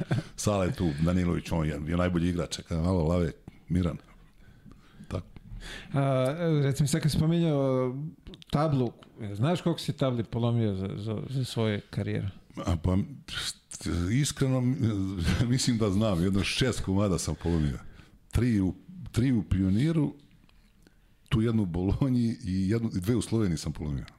Dok sam bio u vojsci. Ja se sećam, ja se sećam ovde i iz pionira neke, znam da nešto i imam sliku ovaj da je glava nešto bila čelo i desi već i isekla kako je bilo. E, se to da- što, nije, to, to, to sam imao povredu arkade bio, pa me momo ušivo to, ali kad sam polomio tu u Pioniru, ovaj, dva puta nije skroz ovaj, otišla bila, znaš. Nego je, Ostalo je, ostalo je, ali da, gore, ali je, mm, pazi, u to vreme je stvarno bilo to, mogu da bude opasno, znaš. Kod nje srušić Ja se sećam, uh, ovaj, u, kako se zove, na Spensu smo igrali neki All-Star meč. Mislim da je taj bio onaj Bato Doderović koji se povredio, bio zakucao i isekli mu obe ruke, znaš, bilo nešto. Jer tad su bile one table, Tabla na, na, na, Staklene. tako je, Da. staklo, ali je pričušćena, obruč pričušćen jeste, na, na, ta- staklo, da. da, da. A sad nije, sad je vidio si, da. da. sad je druga priča i, i drugi je sad eh, kvalitet table, eh, nije taj, nije staklo, nego onaj, znaš, ono kad pukne ne može da se Tako da, da, da, da. što je dobro. A inače to u to vreme bilo katastrofa. znaš kako, tu pukne tabla pa je nema mesec dana u nekoj maloj sali, znaš. Dobro, u pioniru su tad morali da imaju. Morala bude rezervna. Ja mislim da je Zoki Jovanović isto te godine. Mi- Mislim da smo ja i Zoki jedne godine slomili tri ili četiri u, u toku sezone. Ja sam dve sigurno i mislim i on je slomio jednu sigurno. Jel bude neki sankcije tu? Šta je to bilo? Tehnička, šta je bilo? Da, pa do, A dobiš posle tehničku, mora da. kupiš tablu. Pa ne mora, nije, dobro, ajde. Možda je klub kupovao, ne znam, ali nije. To je Boga mi to bi koštalo onda dosta. Pa vidi, košta, ja mislim i dan danas košta bre ta tabla. Pa ne bogaca. znam koliko, sigurno, sad, sigurno da ova, ova košta više nego u ono vreme, znaš, ono je, sigurno, sigurno. A, reci mi, finale dole u, u Istanbulu. A, šta ti je prošlo kroz glavu kad je ovaj, kako bi se Joe Freza, kako već, dao onaj koš? Preko mene, da. Da. Ma vidi, Si uopšte, jel si imao momenta da, da razmišljaš Ma nisam uopšte u tom trenutku znaš, razmišljao, nego pazi, kad, uh, sad se vratim, vratim na profu. Profa stalno te godine, znaš, pričao, znaš, cela sezona ti stane u jednu loptu, znaš. Cela sezona, znaš, ti zavisi od jedne lopte. Kao mora da je, da je paziš, znaš, da ovo, da je čuvaš. Znaš, to nam je stalno priča. Znaš, i onda ti te godine, posle te saletove trojke, te jedne lopte, ti stvarno shvatiš da je to to. Da Znaš, je jedna lopta. Jeste, ali pazi, mi smo, uh, iskreno ti kažem, protiv ovih Philipsa u polufinalu, ja, ja, ja nisam bio optimista uopšte, znaš. Jer oni su stvarno bili ekipa u tom trenutku, ne znam, Pitis, onda onaj Riva, pa onaj čuveni američki centar, Darrell Dunkis, je tako da kako se zvao, koji je, sećaš se, izvaljivo obruče tamo po NBA. Znači čovjek, ja, ja, ja sad se vratim na utakmicu prvu u Funla Bradi protiv njih. Takav udara sam ja dobio u grlo da, da jednostavno nisam ovaj, mogu dođem sebi Znaš, ali nije on to mene namerno, nego jednostavno ja sam neki kontakt samo mi postavio lakat. Ovo mi je bilo ovde, znaš. I ovaj, sećam se to, ovaj, moma, znaš, sipaš vodu, voda ne možeš da ne prolazi, znaš. Imao sam problema 10 dana sa tim. Ali, što ću ti kažem, to je čovjek, ja sam krupan čovjek, veliki. A on, 150 kg, znači, on, da su oni igrali na njega u tom trenutku, ja mislim da bi, da bi nam da, mogao da da 50 pojena. Koliko je bio jak, dominantan u odnosu na nas. Ali smo mi odigrali dobru utakmicu, Šiki, Šilobad je odigrao tu dobru utakmicu. Ja sam imao nešto, mislim, brzo, dva, tri faula i onda je Šiki odigrao, a Šiki kvaran igrač uvek bio. Udaro dole po nogama stalno, znaš, oni su svi kukali na njega. I ovaj, on je, ja mislim da je on završio utakmicu sa 22 poena. Ali su ovi ostali, Riva nije igrao baš nešto kako je, je u tom trenutku mogu i to sve jednostavno mi smo to dobili ovaj, po, kažem opet po ne, nekom mom mišljenju dosta lagano, znaš. E sad kad dođeš u finale ti u finalu ti je Rasterećeno. rasterećeno. Prvo povedu oni, pa povedemo mi, pa povedu oni, pa mi i onda na kraju uđeš u tu završnicu gde ovaj, skra, kažem, skraćeni mali preko mene baci onu loptu, znaš, koja skak, skakuće dva, tri puta na obruču uđe. I onda se na, ona stara priča, čuveni Morales uruči loptu ko privi, tako? A ti, ti nas su kvarni svi, to, svako bi gurno na stranu, Da, da, ta se da. nije štopalo vreme, znaš. Ta si, Da, tako da je, nema da, da. štopovanja, kakvi.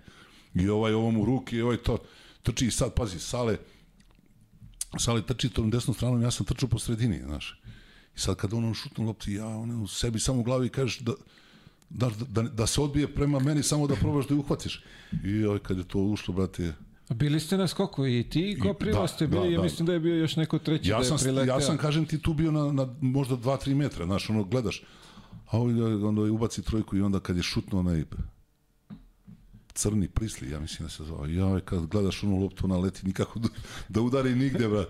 A i onda, znaš, situacija, ne znaš ti, nemaš pojma šta se radi, veruj mi. Pa šta mi je smo se tu momentu? mi se tu euforija. nešto rado, profa otišao, nije ni gledao utakmicu, on sa njegovim šeširčetom otišao dole u, u hodnik, nije mogu da gleda, znaš. I sad ono, daš, mnogo ljudi na terenu se tu pojavi, naših navijača, prijatelja koji su bili, ali ti raduješ se ti, brate, skačeš tamo, vamo, tek, tek posle 3-4 dana kad smo došli u Beograd, znači si ukapirao št- šta si u stvari uradio.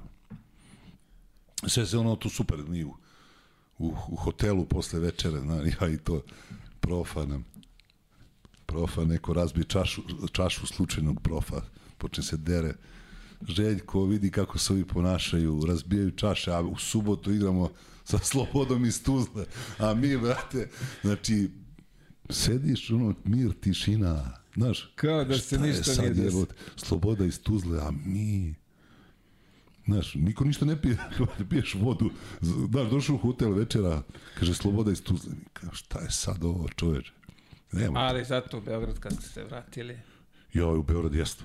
U Beograd kad smo došli, ono avion, pa a- na aerodromu, to je onaj doček, pa tamo, pa onda uveče gostovanje na RTS-u. Znaš šta je to bilo, vrate? Eh. Ste morali lepo da se poslužite. Pa da, ali znaš kako su... ne, ma bili smo, mi imali smo tad ideja, Loki Rebača, Šik i ja obučemo modela, vrate. Znači, pa prvi put obučemo modela, znaš, ono za, kao gosti, a ovi došli svi, ono, znaš, košulje neke, farmerke, ono, kad su nas videli, to, pa, pa vidi ovo, nas je, Reba, Reba nas je zvao, Reba Ćorković nas je zvao od, od deca Debelčići, kreteni, kreteni, znaš. A dobro, imali ste ekipu ovaj, za zajebanciju. Ma da, Pa je, pa pazi, ti imaš tu, znaš kako, mi klinci, ovi mlađi sa, sa strane dođeš, onda imaš tu i Ivu Nakića, na primjer, imaš Saleta, Đorđevića, Željko koji je to sve prešao, prošao Kopriva, Dragutić, beogradski momci iz Beograda, znaš, oni tu prošli su to sve, znaš, i mnogo što šta su više od nas naučili, koje, koje smo, ali jednostavno se uklopiš u to.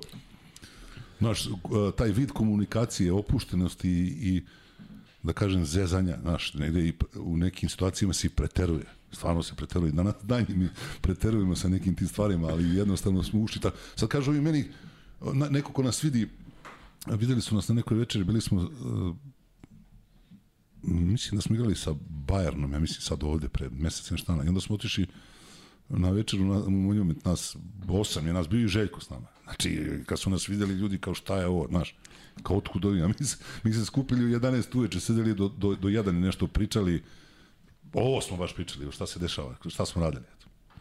Da, znaš, i onda ljudi tako kad kažu meni, je, kako ti, znaš, ono, Danilović, Šilobat, tu ste, ne znam, Mića, Ratko, ta ekipa ovih mlađih koji su s nama, znaš, mi smo non stop zajedno, znaš. I sad kad te vide u gradu negde, ja i Mića, evo, koliko već, od 90. godine, znate.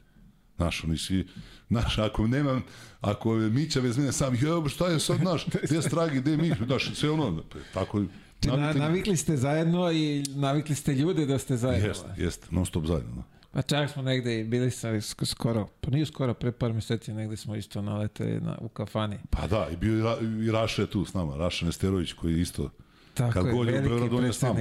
Da, veliki, Veliki predsednik. Da, da, da. Pozdrav za predsednika ako, ako gleda. Ne, da, imamo sad neko druženje opet. Družimo se mi stalno sad. Opa, jel do, dolazi ovde da Neće, druženje neće, ili ne? neće, neće. Izbegava. Pa dobro, znaš kako, Raša ti je tamo petoro deca ima čovjek, znaš, treba to sve Ne postići. postizava. Ne postizava, Svaka mu da, da.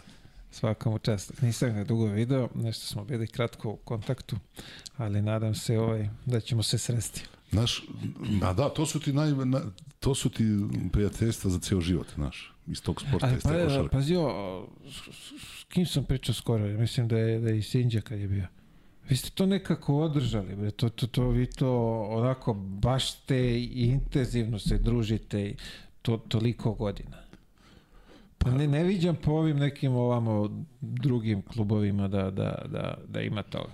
Pa to kažu svi, Mislim, ne znaš. toliko intenzivno, ima intenzivno, naravno, da, ali da. to vi ga baš, Pa, znaš, ka- kažem rekao, ti, terate u punom gasu. Da, u punom gasu. To je ta neka ekipa. Ja imam, i i sad imam i prijatelje van košarke koji nisu košarkaši, znaš, se družim, ne znam, idem na pecanje tu na Dunav, u Banovce, e, onda je, znaš, pra, ovaj, pe, peku neku rakiju, pa neki, znaš, neka ekipa. A ovamo s druge strane ima sportista stvarno dosta. I u to vreme, u to vreme mi smo se družili sa futbalerima i Partizana i Zvezde i, i rukometašima i odbojkašima. Znaš, i to, to su sve ostali neki ne, ne, neka dobra prijateljstva, znaš. E, sad, da li u drugim klubovima, znaš, je, sad mora se vratiti na Partizan. Stvarno, stvarno je kod nas ko naš po, porodično nešto, taj neki od, od uvek, od kad sam došao od prvog trenutka u taj Partizan se susreo sa tim i danas danji to postoji, znaš. Što je divno. Što je naravno da je divno. Znači tu su mno, mnoga kunstva iz tih uh, iz košarke proizle, iznikla. Uh, znači druženja non stop. Evo ja sam kažem sad ne Mire Radošević koji je u Užicu, mi se čujemo juče smo se čuli nebitno, ali druži, čujemo se. Pa onda Znaš, imaš tu nekih igrača iz Kraljeva s kojima se ja čujem, a nisam igrao nikad, znaš. Pa ne znam iz Bosne. Znaš, sve to, ja kažem, kroz tu košarku i taj sport, ja to stalno imam u ovim mlađim, mlađim igračima pričam. Mnogo sam lepog doživeo i mnogo sam proputovao i prijateljstva mnogih i upoznao mnogo, mnogih ljudi. Znaš, ki- tebi se dešava sigurno, znači se neko javi na ulici, ja ne, mogu da se setiš, nema šanse, ali kada je zdravo, zdravo, dobar dan, znaš, pozdraviš i ideš dalje, šta ćeš? Ali nema ništa govori kad si ispričaš sve, kako tvoja porodica, moji sve kako tvoji sve i okreneš Kako se. ovo, kako, da, da, da, sve I su, nemam pojma s kim sam pričao. Kad kaže meni, meni kažu, znaš, ja ulazu tamo, znaš, k, ano, dobar dan, dobar dan, kako ste dobro, ba, bakice, dekice, znaš, sa svima i sa mlađima, znaš, sa svima mi pitaju, je li ko ti ovaj, znaš, pa kažem, komšija. Svako ko se javi komšija. Pa da, da. Uh, aj molim te samo mi pojasni kako si duplirao ovaj svoj ugovor u Španiji na, A, to, na, na, na bingo. Je li bingo bio loto? Šta je bilo? bingo, bingo. E, Čekaj, daj moguće da ste vi otišli u, u, šta god to, kako Pa to čekaj, da igrate. a šta da radimo mi? Pazi, mi, ja, ja kažem, ja 20, 21 godinu, ova dvojica, 20, 19, sad, znaš, i sad mi tu došli, stvarno smo imali dobar hotel, znaš, ono, u Madridu, I, i sad vidim ja, Giba i Toša stalno idu negde, znaš, uveče. I sad mi da prošetamo negde, ja i Loki i Rebrača. To ja mislim da nam je to bio drugi put kako smo došli, znaš. Da prošetamo kao, i prošetamo i sad Loki, znaš, Loki uvek ima te ideje, on gleda, gleda, kao, ma, ma, maco, evo ga, bingo, bingo, šta bingo? A mi, znaš, ono, ranije u Kragujevcu je bila na tombola, znaš, Tombola, ona, da, da, da. ono, i kaže, pa tombola, idemo da igramo tombolu. Ja kažem, Loki, ajde, ajde, kao, idemo. I sad mu uđeš unutra, mora da daš pasoše, znaš Opa, pasoš tamo i sad ušli mi ono sala, znaš kolika sala je, stolovi oni okrugli. I sad Toše i Giba tu sede za jednim i sad nas trojica sednemo za drugi sto. I oni čitaju, brate, ono, ovaj, brojeve tamo, vamo, sad to traje, traje, i sad onaj linija bingo i sad u jednom trenutku neka gospođa tu za našim stolom dobije nešto i da nam, to je kao običaj, znaš, oni daju ceo onaj listić, ima koliko ni pet onih kockica. I mi to gledamo, gledamo ništa. I sad kaže ona je zadnja kao naš ona tura i deli sad ja uzo dva ona, znaš, dva ono, dve kockice i kažem ja Toši, ovako pokažem, sad ću da uzmem pare, a Toša kaže, na, znaš, samo što ni rekao, uzmeš. I sad oni mile, ono, broji, znaš, broji, broji, broji, i sad u jednom trenutku izleću ni brojevi, gledaš gore da nešto ne pogledaš, kaže on, kao osto, ja kažem, Lo- Loki, kao ovo se dio, rekao, Loki, ostao mi jedan broj, on kaže, man, da, znaš, kako, kako, ja kažem, i sad, u jednom, i sad ono broji, broji, i kaže 73, znaš, i ja, ja kažem, ja precrtam i kažem bingo, razumeš? Brate, to oni mrmanj, pričaju tamo, vre, znaš, a da, ba, da, da, znaš, španci, a Toša viče i kaže, ovo, i sad ja nisam siguran da sam ja to sve dobro, čekaj, znaš. to što misli da, da zajebavaš? Da, Toša misli da zajeva, on mi rekao, nemoj više da vas vidim ovde, znaš.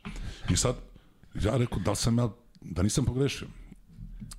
I dolazi neki, dolazi neki lik, stavlja na sto neki, kao pehar, nešto, vrate, i uzima onaj tiket i ode. I dono je jednu gomilu pezeta ovako, znači, to je tad bilo 10.000 maraka. A ja sam igrao za 15.000 maraka tu godinu. Znači, ja viš koliko, koliko sam dobio. I sad Loki, znači, vrišti, dere se, ovaj, sad, i sad skupim ja, ono, brate, puni džepovi para, znaš. I kažem, da li je ovo moguće? I sad, gde ćemo mi sad nastavak? A ovi naši su nek, neki kafić, neki klub, nešto ovi stari naši, dolazimo mi i Loki naruči neku čašu, znaš ko ono gde u kafićima što drže one limune i one, znaš, ono ogromno, zeleno, žuto, nešto se puši, neki koktele, vrate, iz onoga pije, slamčice neke, znači, ja kažem, Loki, vrate, znači, ovi nisu mogli da veruju, znači, to sutradan kupo, kupovina po onim, El Korte, one robne kuće, ba to, ti ne možeš da veruješ šta smo radili. Ma be, pazi, tada kod nas je bilo ono moda, znaš, oni lanci, oni debeli, oni, znaš, ono, oko vrata, 90. ono, trener. Kako, se, kako beše, kraljev, kraljev radi, ne? Pa šta znam. Da, da, bila I onda kraljev rad, da, da, Da. I mi odemo tamo, a tamo one, znaš, one na metar, one voliki, brate, mi kupimo. Na maske neke, ma svašta smo kupovali. Ali to sam, da, tu godinu sam odigrao za 25.000, ne za 15. Hvala, Maraka, maraka. hvala Tomboli, hvala To Tomboli. lud, bre. Tomboli. Onda smo kupovali mogli garderobu, sve smo mogli da nađemo. Morali ste da se obučete. Ma kako, bre? Ja Čekaj, njima- a dolazite tamo u kafić, ova starija ekipa, vi... O, ovi stari kad su čuli, znači šta, znači to je uopšte, ja platio turu pića, brate, za sve, brate, obrći odmah, brate. Celoj kampanji. Cela kafana, samo mi u kafani. Znači, ba, to, to je pri, ono, zanimljiva priča. Carski. Podebljaš ugovor. Pa kako? I to podeljivaš dosta. A čekaj, Je, a čekaj, sutradan ja- nisam znao da je. sam dobro zaokružio. Slušaj, ja sutradan ja, ovaj, sad ono šta radim, ja sa pezetama, znaš, u Beogradu, brate, ja, na aerodromu, one je tad bile one marke, seća, a dobro, ne znam ti, marke, one Kako po se hiljadu, po hiljadu, po hiljadu, kako joj, brate, Stvari, ja sam najviše gledao ovaj plavu. plava, da, pa ja to zamenim, brate, i onda ovde, trošiš, razumiješ. Kako izgledala hiljadarka, to mi sad, kad si već... Bila brownka, što, o, malo veća. Nije, ti vidiš te. Hiljadarka, hiljadarka bila. Te nisam- To tad ko ima hiljadu kod nas u, u Beogradu, znaš, ti izađeš nide sa hiljadu eura, brate, si lud. Kaže, kono, brate, dođi, splatit ćeš sutra. Gde to nije imao niko. I znam, vidi, znam ja neke, ovaj, to jest imao sam neke prijatelje koji dođu tako, e, aj plati, nemam, imam 500 evra. Da, da, da, nemam sit, Ne, nemam sitno, aj plati ti. nemam sit. U siti, pa dođi. A, kako ludo vreme, čovječe, da je moguće. A lepo je bilo, znači, baš, baš, baš lepo. Ba, mi smo tu godinu pregurali baš zbog toga, znaš. Pa, mislim, pa, pa ti situacija e, kako smo mi, mi smo igrali sa 10 igrača, znaš. I kad se neko... E, da, to nije, nije bilo 12. A, Da, 10. I ako se neko povredi, ne znam, Željko je igrao na, na treninzima, razumiješ, u Španiji, tamo odemo, ne, neko, znaš, uvek desiti se, otruješ se nešto hrana ili si temperaturu i ajde, sad fali ti da odradiš trening, onda se Željko skine pa odradi s nama trening, znaš. I, i, ono, i, još, nekom i trenutku- pocepa vas. Pa, razumeš, on to playmakera tamo vamo odradi. Znaš, tako smo, tako smo funkcionisali. Profa. Pa, pazi, a, ti završiš utakmicu, ne znam, uveče u 10, dođeš u hotel, večeraš i onda profa kaže krećemo sutra ujutru, ne profa, nego plan povratka, ili ne znam, ustaješ u 6, ideš za za Frankfurt, pa za Beograd. I onda Željko samo kaže ovako, zovne nekoga, mene ili nekog bilo koga i kaže slobodni ste do ujutru, znaš. I sad ti, znaš, kad ti on tako kaže, ti ne, naravno nećeš da ostaneš do pet, nego izađeš mjesto da bi legu u 12, dođeš u, ne znam, dva, pola tri, pola dva. I sad, jedna situacija, mi se vraćamo, a oni igraju karte, znaš. Profa vole da igra karte. I oni igraju karte na recepciji, znaš, i sad ti ne možeš da uđeš u hotel, brate. I sad mi, ali mi smo uvek bili zajedno, znaš, ili, ili nas, uh, ovih mlađih pet ili ovih, znaš, ili smo svi deset zajedno ili smo tu po, ali nikad, nik, znaš, ono dvojica, nego uvek po četiri, pet. I u tom trenutku, sad, profa je okrenut ovako leđima, Željko tamo, i sad ono se vidi, i sad ovako igra karte i kao, znaš, ono, sad ti da pobegneš, brate, mi iza profe četvoronoške puziš da te profa ne vidi pre recepcije, onaj čovjek na recepciji gleda šta, znaš, samo da prođe da te Da ovaj li ne vidi, da te, da te on ne vidi, razumeš? Ma, vaj, Da, jer uzeli stvarno smo ga poštovali, i Željko, i svi su ga poštovali, znaš. A nije bio neki zadnji ulaz, nešto, da. Ne bre, kako to, to si lud. Pored recepcije si, no, i, i ujutru naravno na aerodromu to, naš smeh ovaj, že, jeli, momci, a dolazite ono, znaš. Ima, imali su i, i, i poverenje, i, i u, naš, uzajemno, baš onako, i poštovanje i sve. A dobro, ne, vidi, ja nešto, ne, ne sumnjam da je on znao da ste vi izašli, da li, A da, verovatno, namazani su i oni bili kako, fani. kako? Ali vi se osjećate kao pobednici. U, Kao pobednici, jeste, u tom, da, je, da, da, da, da. Pobedili smo, kao izašli smo, nije nas primetio. A da. Reci mi ovo, ti posle ovaj, Partizana u Beobanku prelaziš. Jeste, ovaj, koliko sam tu bio u Partizanu, znači to sledeća situacija je bila ono, ak, e, posle sankcija i svega, bilo ono sa Beočinom za, za ulazak ponovo u Euroligu, znaš. Nisam nešto mnogo igrao tu i onda sam se ja tu dogovorio nešto, slagaću te možda i mesec dana pred kraj prvenstva, znaš, Beobanku, jer e, bila je naša priča, ta se nije ni znao ko će da bude još trener, znaš, u Partizanu su posle Mutu doveli, znaš, i onda je Muta posle meni kao ti ćeš da igraš tamo vamo, ja kažem ja sam već dogovorio, znaš, jer u neki razgovor sa ljudima iz kluba sam donao tu odluku, znaš. Gde sam ovaj proveo dve, dve godine kod Darka Rusa, znači i, i to je bila, i opet se vraćam i profa je opet bio s nama tu. I to, Profa bio tada? Jeste, dve godine i mogu ti reći da je to bila ozbiljna košarka isto. Vidi, Na ozbiljnom nivou. i imena su bila Bila imena i, i dobro se rad... Pa znaš kako, ti kad navikneš na jak trening i na taj neki, ja kažem, ja sam navikao kao u vojsci, znaš, ono, disciplina. Od tog prvog trenera u Kragovicu pa preko Duleta, pa Željka, Profe, tamo onda Darko, isto, znaš, držiš neki, neki nivo. Ja sam, meni to ništa nije teško bilo, znaš, ja sam to navikao i to je bilo, jeste se naporno treniralo i kod, kod Darka, ali i dobro smo igrali, znaš, dobro smo igrali. Dobra ekipa, znaš.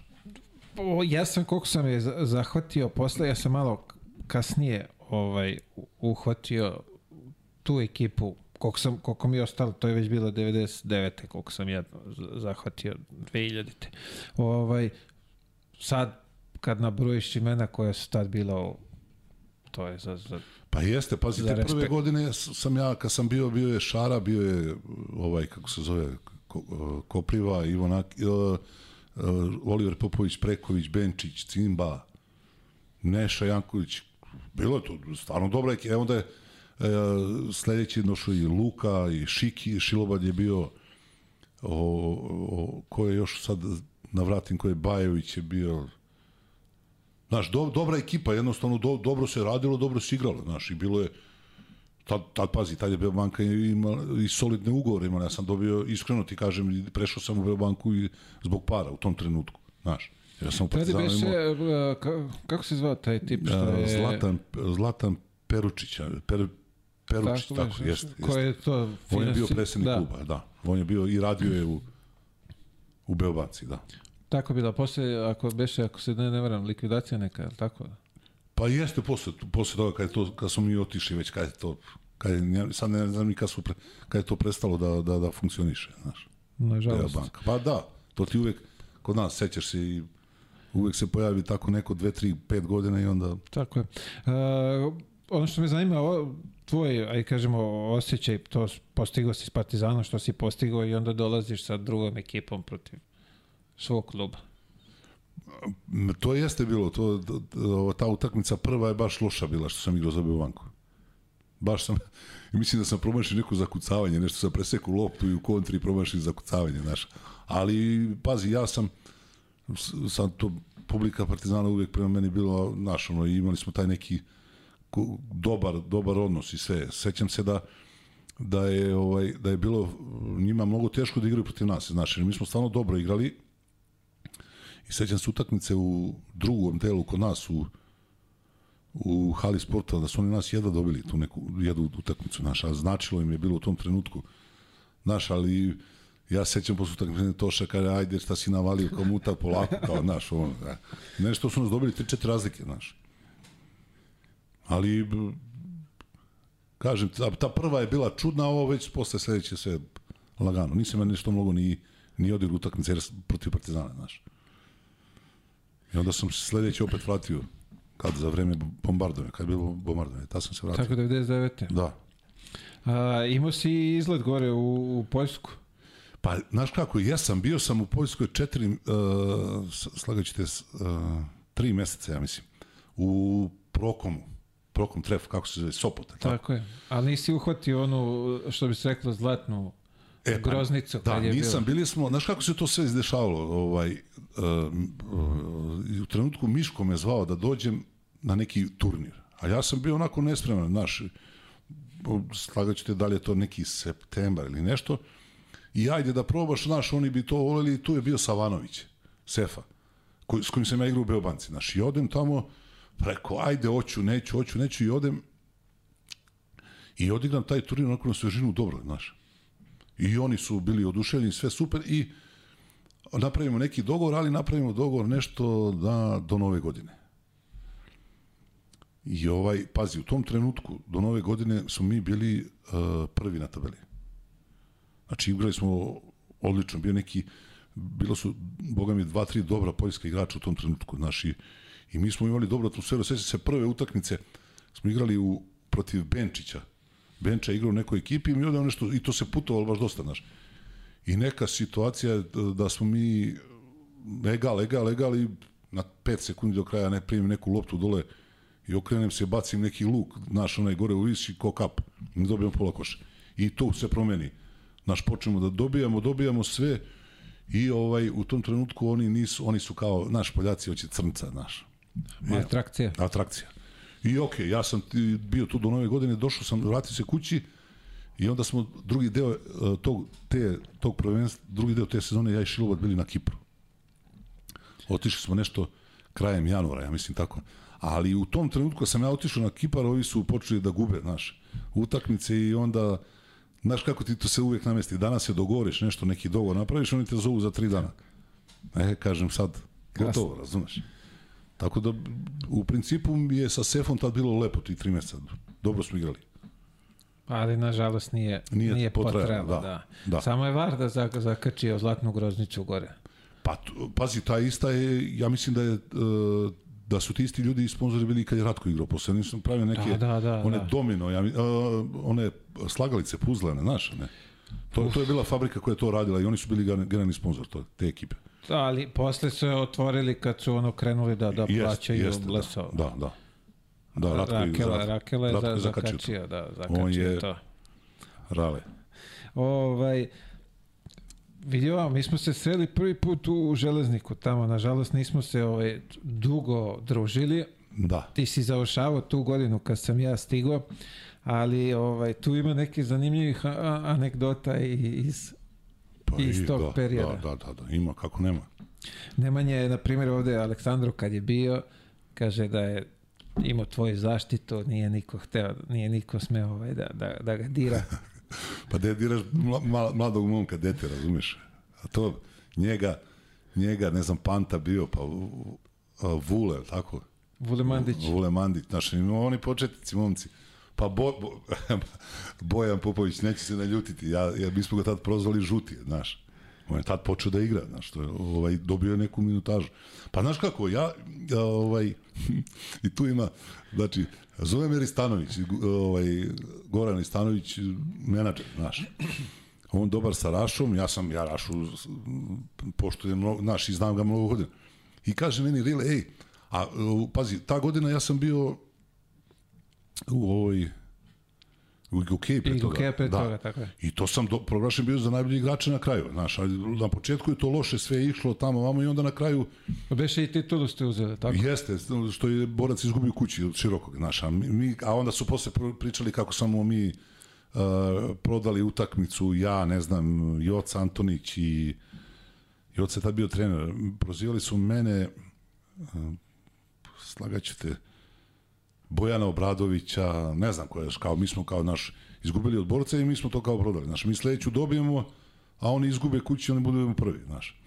Ne, ali Ovaj, I sad Rile me zove kao, znaš, stragi, uh, pitao ga Rašo da li bi ja htio da idem s njima u Nemačku neki turnir, znaš. Ja kažem ono i, kažem, Rile, kako da idem odmah da igram u turnir, ma daj, kao to je, znaš, znaš za tebe tamo, ovamo. Ja kažem, dobro, ajde. I odem ja strašno da se vidim, dogovorim se, meni kaže Raša, meni trebaš zbog uh, odnosa, atmosfere, tamo ovamo, znaš, da li ćeš igrati 5 minuta, 10, to je naš nebitno. Mi, znaš, ja kažem, dobro, jesu, ajde da probamo. I ode mi u Nemačku na turi, to je paka od, od turneje. To je Saške, to, Aške, Nik, Nino Marjanović, Kecman. To je pako, znači to. Znači, a, a, a ovaj, tad se vrati Aca. Aca se vrati, on je bio sa Karijem negde na nekim pripremama ili nešto su bili. Pa, Aca Petrović. to je Ne, ne, Indijana, imali su nešto, ne znam nešto, šta. I onda da. se on vrati i dođe tamo i to čoveče, taj, taj odnos Đora, Đora pištolj, pa ja to u životu nisam vidio, ja. Ja, ja naš, oni, mi završimo neku utakmicu u hotelu, tu oni igraju žmurke ispred, valjaju se ispred autobusa tamo, u, u, doktor Stanojević, u, su, Stanojk. Stanojk, legenda, mi u sobi tamo, ja kažem, ljudi, šta je ovo, bre? Igram utakmicu protiv Valbe, ovi napravi šekces tamo, Đora, sa Karijem, ovaj, sa, Jaj, sa, da, sa, sa. Acom, razumeš, ono, ja, gotovo, mi u slačionici, ja sad kažem, kažem Maškitu, idi se izvini treneru, znaš.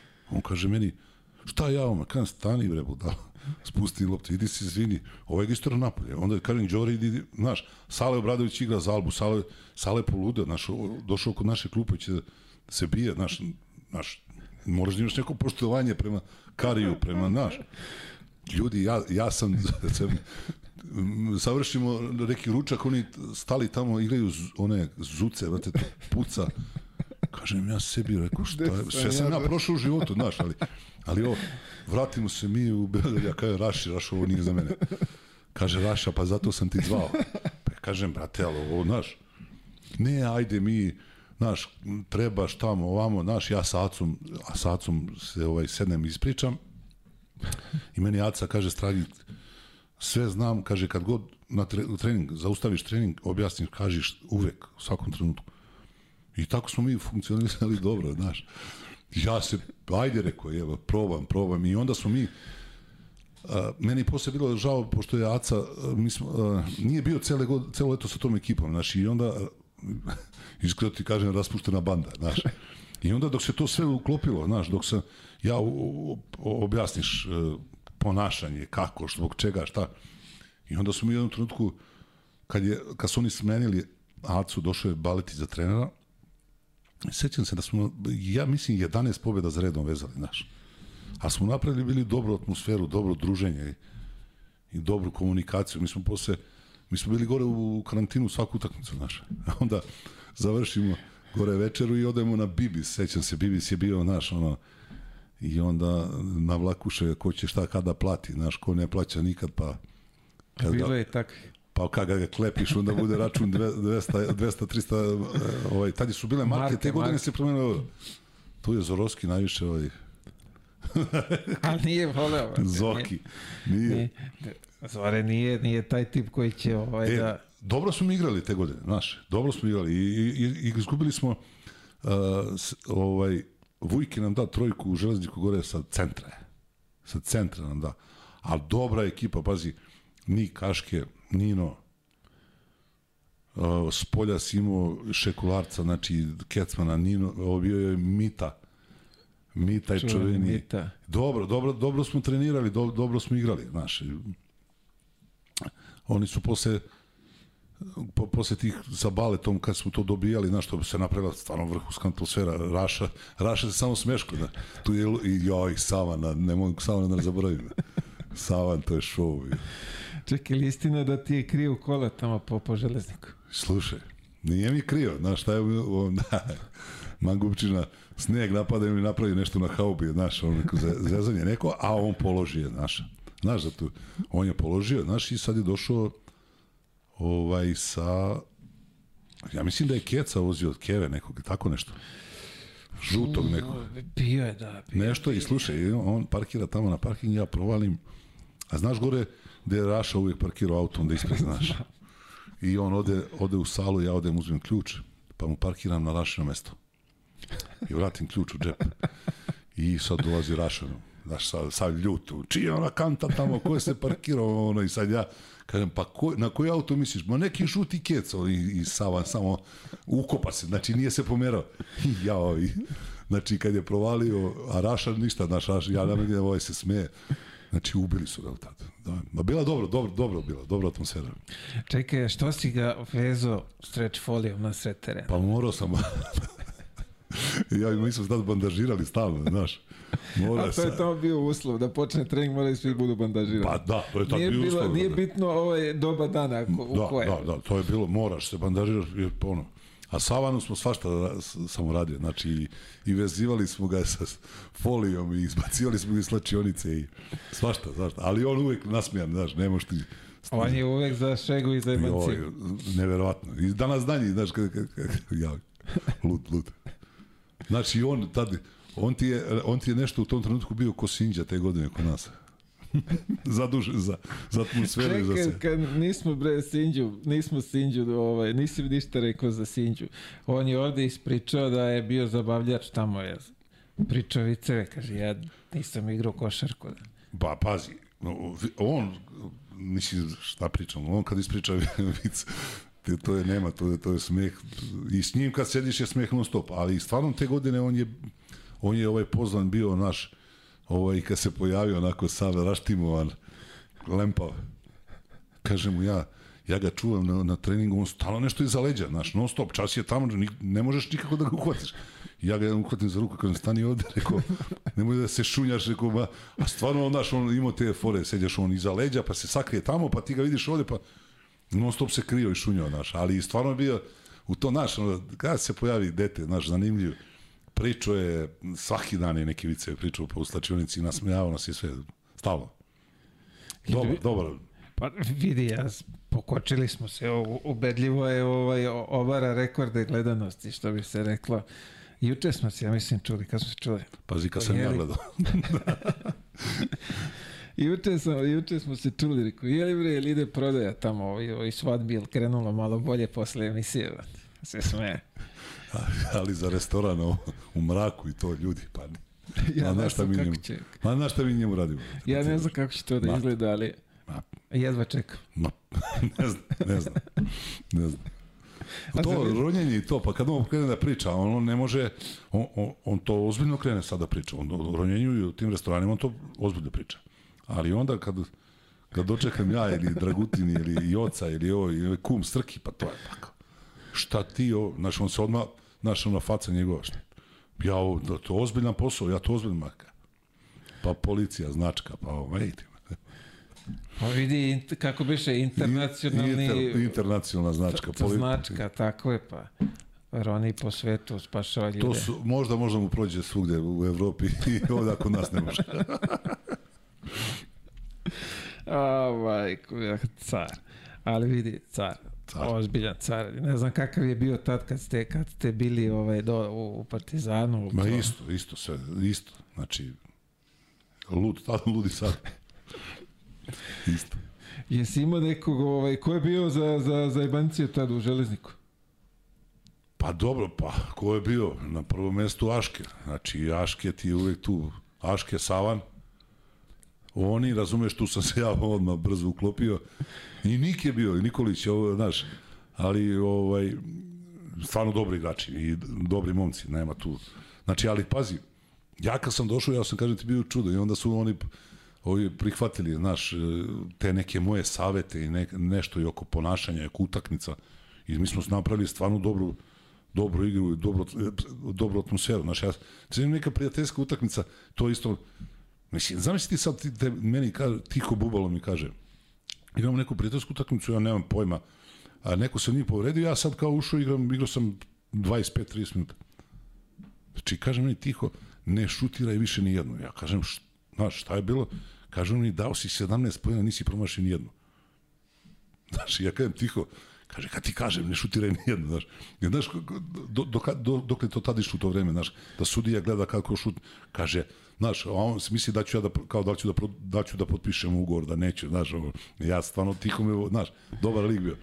I, o, i, e, pazi ovo, ovu situaciju, mi smo jednu, jednu utakmicu igrali sa reprezentacijom u tom trenutku u železniku Kari Pešić trener i igramo ujutru utakmicu 10 sati prijateljsko. A mi, mi osudi tamo, a, ja mislim da Aški tad bio u reprezentaciji naš, igramo ja i Nik, Nino Marjanović, ne znam ko je, Zorovski, Pop, znaš, onako, nas desetak, malo nas ima, znaš, ali ovi, znaš, reprezentacije, oni došli kao sta mi ujutru, ka, znaš koja je to peglanje palo? Znači, ja i Nik smo dali, po, ja mislim, sećam se po jedno 30 pojena, šutirali smo trojke, nešto bez, bra, znači, po, čet, po 5-6 trojke smo bacili, znači, to je bilo, to je, ne, znaš, neka priča, i sad ovi svi idu, a Kari viče, Kari kaže, e, pa znate vi ko je on za mene, znaš, priča ovima, a ovi sad kao, pa taj bre igra košarković kao 15 godina, kao u fazonu, znaš, kaže, pa u možda ubije svakoga, znaš, i onda, znaš, da uđeš u priču, ovi gore, Nik, staviće samo debelice, zvao me debelice, znaš, oni Đora. Joj, ludi su bili majke mi, Đora šut, pa pazi, pištolj šutne trojku sa centra i kao digne ruku moja, kao pa šta moja, bre, majstore, čekaj, šta su mi budale, trčimo tamo malo, ti ćeš moja, šta moja? E, to dok se nije uspostavilo, bilo pakao bio. O, majko, bila, kakva je to ekipa. Do, Tamo. dobra ekipa, pazi. E, a mora ti ovo, razmišljao sam ovo malo kad sam, za, a da, ako, ako me budeš pitao za tu, mora ti ispričam ovu situaciju. Kaže, sad gore, znaš, završimo trening, uh, stavimo malo led, ono, znaš, neko stavi, te, ne znam, Kecman, Nik, Jaškan, ste- sedneš na onu stolicu, skineš bandažu i tako sediš po pola sata, sat. Ne žuriš nigde, znaš, pričaš. I sad ja provalim tamo ovaj, ovaj kako zove, Zorovski, ovaj, svaki dan dere pantu ili, ili vuleta, znaš. Jedan, jedan basket, znaš. Ali, ne znam, piće, palačinci, ne znam, pizza tamo, vamo, i sad ja onako sedim i to mi u jednom trenutku zasmete. Kažem, bre, alo bre čoveče, pusti tu decu, jer oni nisu imali naš oni stipendije, šta su oni tad imali, nešto malo. Kažem, šta neko njih cimaš svaki dan, daj cimni nekog od ovih, naš ovde. kaže mi, šta ti kao debeli, šta ti hoćeš, kaže meni, znaš. Ja kažem, šta ja hoću, rekao. Rekao, ja te nije sramo. Ajde ti ako smiješ. Ja kažem, i sad Kecman i gura, jel hoćeš? Ja kažem, čekaj samo dobijem patike. Vežem ja prtle, ja kažem, majstore, igramo u večeru, reku, tad je bila, sećaš Kepasa tad bila, znaš, večeru, ali cela ekipa. Pošto smo mi tad počeli da pravimo uh, neka druženja, znaš, pa odemo svi zajedno na večeru, znaš, nas 15 igrača i ono. Ovo je da bi, znaš, da napraviš dobru atmosferu. I kažem meni, ajde, ono. I kada, ja kažem, ajde, ja vežem ja pertle, kaže, šutne on za loptu, njegova lopta, znaš. I u večeru igramo. I krenemo mi Brazilu, a on kaže meni, ali nema uvaljivanja. Ja kažem, ma naravno, nema uvaljivanja. Povede on 2-0. I znaš kako završio basket? 21-3 za mene. Znači, ja sam mu dao osam trojki za redom. On me pusti, ja jednu, drugu, treću. I pazi, on mesec i nešto dana on nije teo da vodi na večeru. To, stvarno bi izašlo dosta, znaš. E, onda je, onda je ovaj skonto da mu bolje da na Bibisu da, da, da časti, znaš, kad smo u karantinu, ali naravno, tu je bilo limenke u džepove, trpaj, bio račun, ja mislim, no, 400-500 eura posle u tom delu prvenstva. Tako da je dobro prošlo. A, Zoki. Zore, zore, jo, bilo je tu, sta- čekaj, kaže kod ovog Baletića, bila je ona vežbica centri u reketu dole, pa znaš ono, kaže da si ih klofos i kvalitetno. Pa jesam, šta, morao sam da ti to, e, a pazi, kod baleta, baletić kad je bio, znači ja, moj prvi kontakt s njim, a ovi su već imali komunikaciju, ovi stariji, znaš, mi kaške, kecu. I sad, uh, Bale uzme papir, nacrta, ti, brate, ne znaš, ne šta je nacrto. I sad ko prvi krene, pogrešiš odmah, znaš. Ja, ovi, neke, ovi stari, vidim ja sve oni beže tamo, znaš, pozadi, ovi, Niko neće u prvu niko petorku. ne, I naravno utrče Savan i Bojan i ne znam ko je još Panta i ovaj Stan i ti ne znaš ovo, vi ste ovo, vi ste ono, vi ste ovo, vi svi pozadi se smiju. I ovaj kad sam ja provalio, rekao šta je ovo, rekao daj bale nacrtamo ponovo. ne, da. A bilo je tu vežbi, pa pazi. Nino Marjanović, veliki ciganin, znaš. I ja grobar, sad ono takmičenje u šutiranju, znaš. Znaš šta to? To je, to je bila vriska u hali, man. To je galama bila, znači, to je... Ja sam jedva čekao da krene šuterski trening. Ma nije mogo da ubavde ništa, brate. On krene, da šest, ja ubacim sedam. ja ubacim devet, on ne može da dođe do, znaš, do, do deset, ona. Znači, bilo je baš, baš dobro, do, do, dobra atmosfera. A kad si Ninu pomenuo, koje su ono bile atletske sposobnosti? Ja, on, znači on je mnogo, znaš, mnogo dobar čovjek, stvarno, i, i mnogo se i namučio, sve stalno tih zdravstvenih problema, znaš, i ono, i, da, i čujemo se neki put ovako, znaš, zvao me skoro i za neke karte, tako, znaš, ovaj, mnogo problema zdravstvenih imao sve i a, atleta, atleta neviđena, šta? neviđena. I Kako mnogo dobar, mnogo dobar čovjek, nema, dobar A čovjek. što voli da zapeva, to je. Oh, one njegove, a? Pa vidi. Ne, njegove, da, da. Mi smo gore uh, pripreme, to je mislim ta godina ka- kad ti otišao. Ovaj, priprema na Zlatibor. E sad ćeš bio dole, ja znam da li to i danas postoji, neki vendom. Kako ne postoji, da. E, Ima i i ovi za, zapale, znaš, dole. Je bio mi klinci koji ti ovamo kad si bio Da, u Partizanu, da, da. mi klinci naravno ne zovu te, ovaj, ne, zo, ne zovu te na druženje. I posle ono se za, zatvori, kad već je, kako je ono bilo. Sam čuo, kako ovo poznat glas, be, šta je ovo? Tamo kad Ino uhvatio mikrofon, cepa, Cepa, dobar, dobro peo, dobro peo. Razvaljivo je. Čekaj, evo, kad sad kad spom- spomenušmo kafanu, ovaj, istina da, da nisu vas ova starija ekipa vodili na, na splavove dok niste osvojili titul. Ma vidi, mi nismo ni znali tada za splavove, brate. Pa kakvi splavovi? Znaš gde smo mi? Mi smo ti izlazili u ovaj hotel Šumadija na Banovom brdu, Adonis se zvao neki klub dole u podrumu. Tu smo ti mi non stop bili. Ja i mi mlađi, ja, Rebača, Šiki, ovaj kako se zove, Loki. Ej, sad, ovaj, osvoji se ono kup šampiona, ona, osvoji se i mi gore u tom klubu, znaš, posle dva, tri dana. I kaže meni onaj konobar, kaže, ja, fiksni telefon, znaš, ono, kao, imaš kao poziv da se javiš, ono, ja se javim, Sale Đorđević zove, kaže, uh, na hua hua kao splav, kao od 12 pa nadalje, znaš, a mi je došli vam u 10, znaš.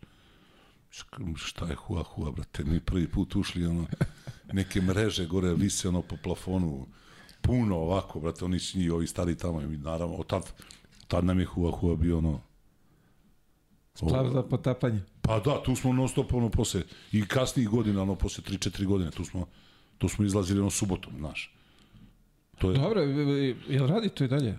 Ne, to to više nije na tom mestu, znaš, to je već uh, posle se te jedne godine tu je bio neki problem, bile su neka pucavine i svega, znaš, pa je taj naš drugar uh, koji je nasledio to Bane, ovaj, on je to nešto se raširilo, bilo povećalo, znaš, ovaj, pa su ga onda prodali nekom drugom i sad je to ja mislim da je to na ušću sad neki od ovih splavova koji je samo dograđen uh -huh, naš i to.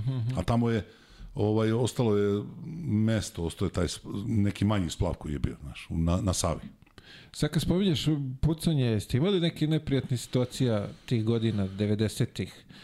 Popularni ste, igrate dobro, svi vas znaju, a Pa jesmo, imali smo, ja, ja, mi, mi lično, ja, ja, imali smo neki jedan problem na, na, baš na tom Hua Hua, kad smo se vraćali jednu noć, imali smo problem, bio je Haris, pokojni ja i Mića, sa nekim navijačom, navijačem zvezde, znaš, koji nešto na Harisa tu skočio, bio napolje, znaš, sve, ali se, se pravili neki momci koji su krenuli tamo iz partizanovci koji su stali i onda se to smirilo, znaš, ali vidi, u tom trenutku znaš, kad, ono, posle to, pogotovo posle tog kupa šampiona, znaš, ceo grad te zna, znaš, i ti ljudi koji su i, i mimo zakona u tom trenutku bili, su nas voleli, znaš, ja, ja kažem, ovaj, sve te ljude sam poznavao, znaš, uvek smo se, de god odeš, izađeš negde uveče po tim diskotekama, oni su tu bili, znaš.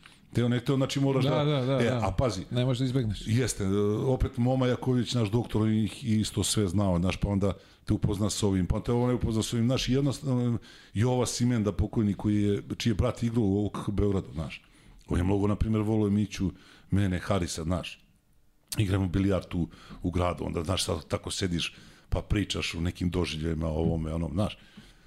I tako da mi nismo imali ne, nekih pretarani problema, a iskreno ti kažem, a, negde sam uvek mogao da pred, predosetim ili pred, pretpostavim da će možda negde da bude neki problem, pa pa ovaj šmugneš na vreme. Pa na vreme ili tako ja smić, ja sam najviše vremena s Mićom izlazio i sa Harisom i sa ne znam ko je još tu od tih mlađih se posle dolazio, ali to je neki period tih godina gde smo stalno izlazili Dragutin.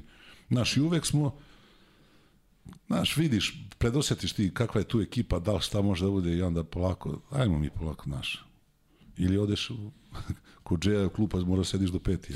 Gađaju ledom tamo, znaš, on ne, ne, ne pušta nikog da izađeš. A, to je ovaj, da. Pa dobro. Da, da, da, bilo je i toga. A, kad si spomenuo Harisa, ovaj, ja mislim, ako, ne znam, doći složiš sa mnom, ja čovjek sam gledao i bio sam oduševljen da je to možda najtalentovaniji igrač na toj poziciji koji se pojavio koliko, koliko sam ja, ne, ja se nećem starih generacija, ali to što sam uhvatio, ja mislim da je on i dan danas možda jedan, ako ne i najbolji.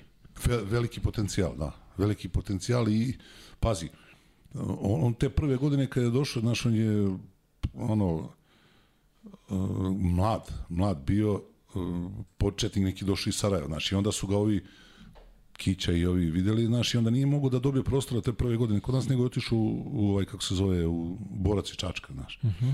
I onda je stvarno odigrao dobro. I onda kad se, se vratio, znaš, jednostavno, bio je, kako, ne znam ja kako da ti kažem, onako, jed, naš izuzetno ladan, znaš, onog, bez neke nervoze, ili je on to u sebi trpeo, nije pokazio, znaš, ali toliko poteza nekih je pravio na treninzima i na utakmicama. Znači, ja sam se par puta s njim i kačio na, na treninzima i na utakmice, znaš.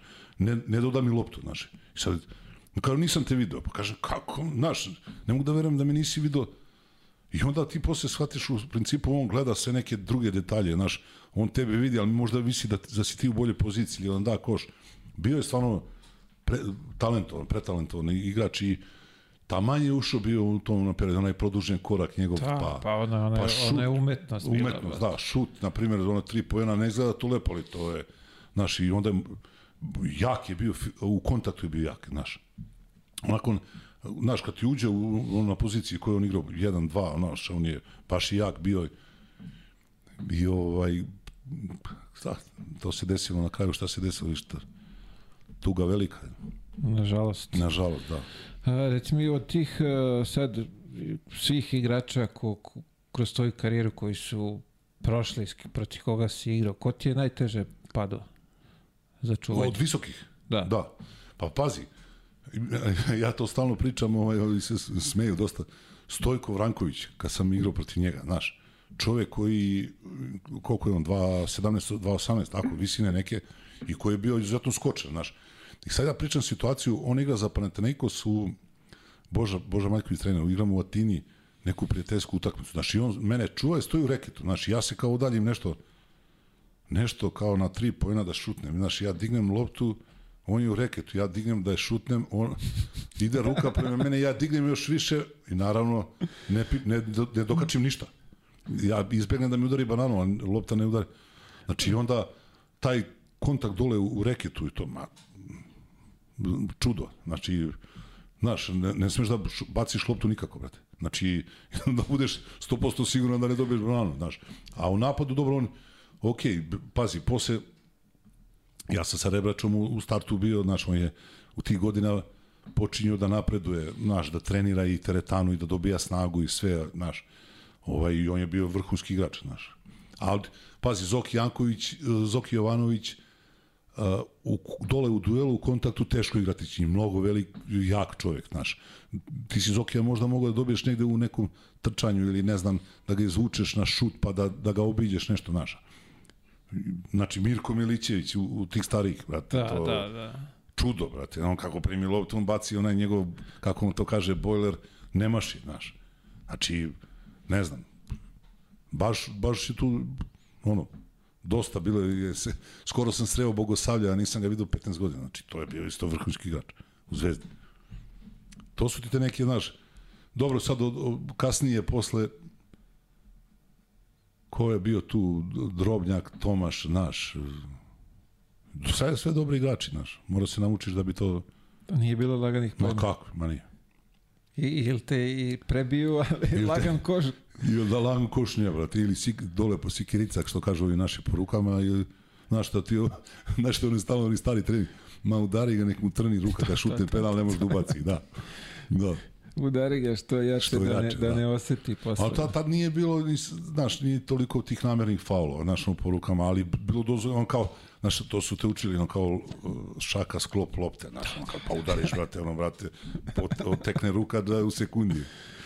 Ha, a sad je, sad opet, uh, rekli bi, čvrsta je ova košarka, ali ga mnogo pipkaju, nešto, E, mnogo je... čvrsta i, i mnogo je br, brza, brža, brža je Prebrzo. mnogo, prebrzo u odnosu na ono, Pa, Pazi, ali još kad gledaš uživo, to izgleda... Pa još sad Da. dole kad sam bio u kupu, to, to, to zuji na sve strane, nema, ne možeš povatati. ne možeš da povatiš, jeste. A, Na e, TV ono ti gleda usporeno, pa imaš a, a vidio si kako sad oni izgledaju atletski, koliko to bolje izgleda nego Majko, pre 15 godina. I, znaš šta sam se ja jednom iznenadio, išao sam u Sloveniji, sam bio nešto kod ovog drugara Miljana Goljovića, znaš, pa odemo, gledali smo rukomet pre jedno, pa ima možda deseta godina, znaš. Kao, znaš kad su ono uveli ono pravilo da ne, ne moraš sa centra da kreneš. Ja to, ja sam, ja sam bio iznenađen, šta je rekao, koja je to brzina, koje je to udaranje, koje je to, koji je to tempo, znaš, koja je to snaga. Znaš, ono, rekao, vidi ovi, brate, nema ono to, biju, to udare, to trče, to šprinte. E sad je kod nas to, vidiš, sad svi mogu da skoče, mogu da trče. Ali, koliko li pameti. to je, to je, to je presudno. A Presudno. pazi, ovo sad kad spominješ to, u, Španiji su ova pravila, ono, nema izvođenja, nego bacaš odmah u kontru. To je isto daju na Pa ubrzanju, na ubrzanju, igre. pa da, na ubrzanju mnogo. Nema ono kao, ajde, izbaciš je u out, pa kao malo ćeš predahneš. Da, da, da, da, Ovaj nego već odmah, visi odmah, već, na, već na koš. pa da. Zanimljivo pravilo, ne znam kako će se to da će se to ovaj, Pa, raširiti, primenjivati i dalje ili će držati samo za sebe. Ko će ga znati šta će to da smisle? Da, ali što kažeš, u, ubrzanje do maksimuma. Ne, ovo sad, znači, ne znam, Momci su momci kad, prespremio. pres, i brate, kao kad, kad pružiš onaj korak, to je, što kažu niko gazele.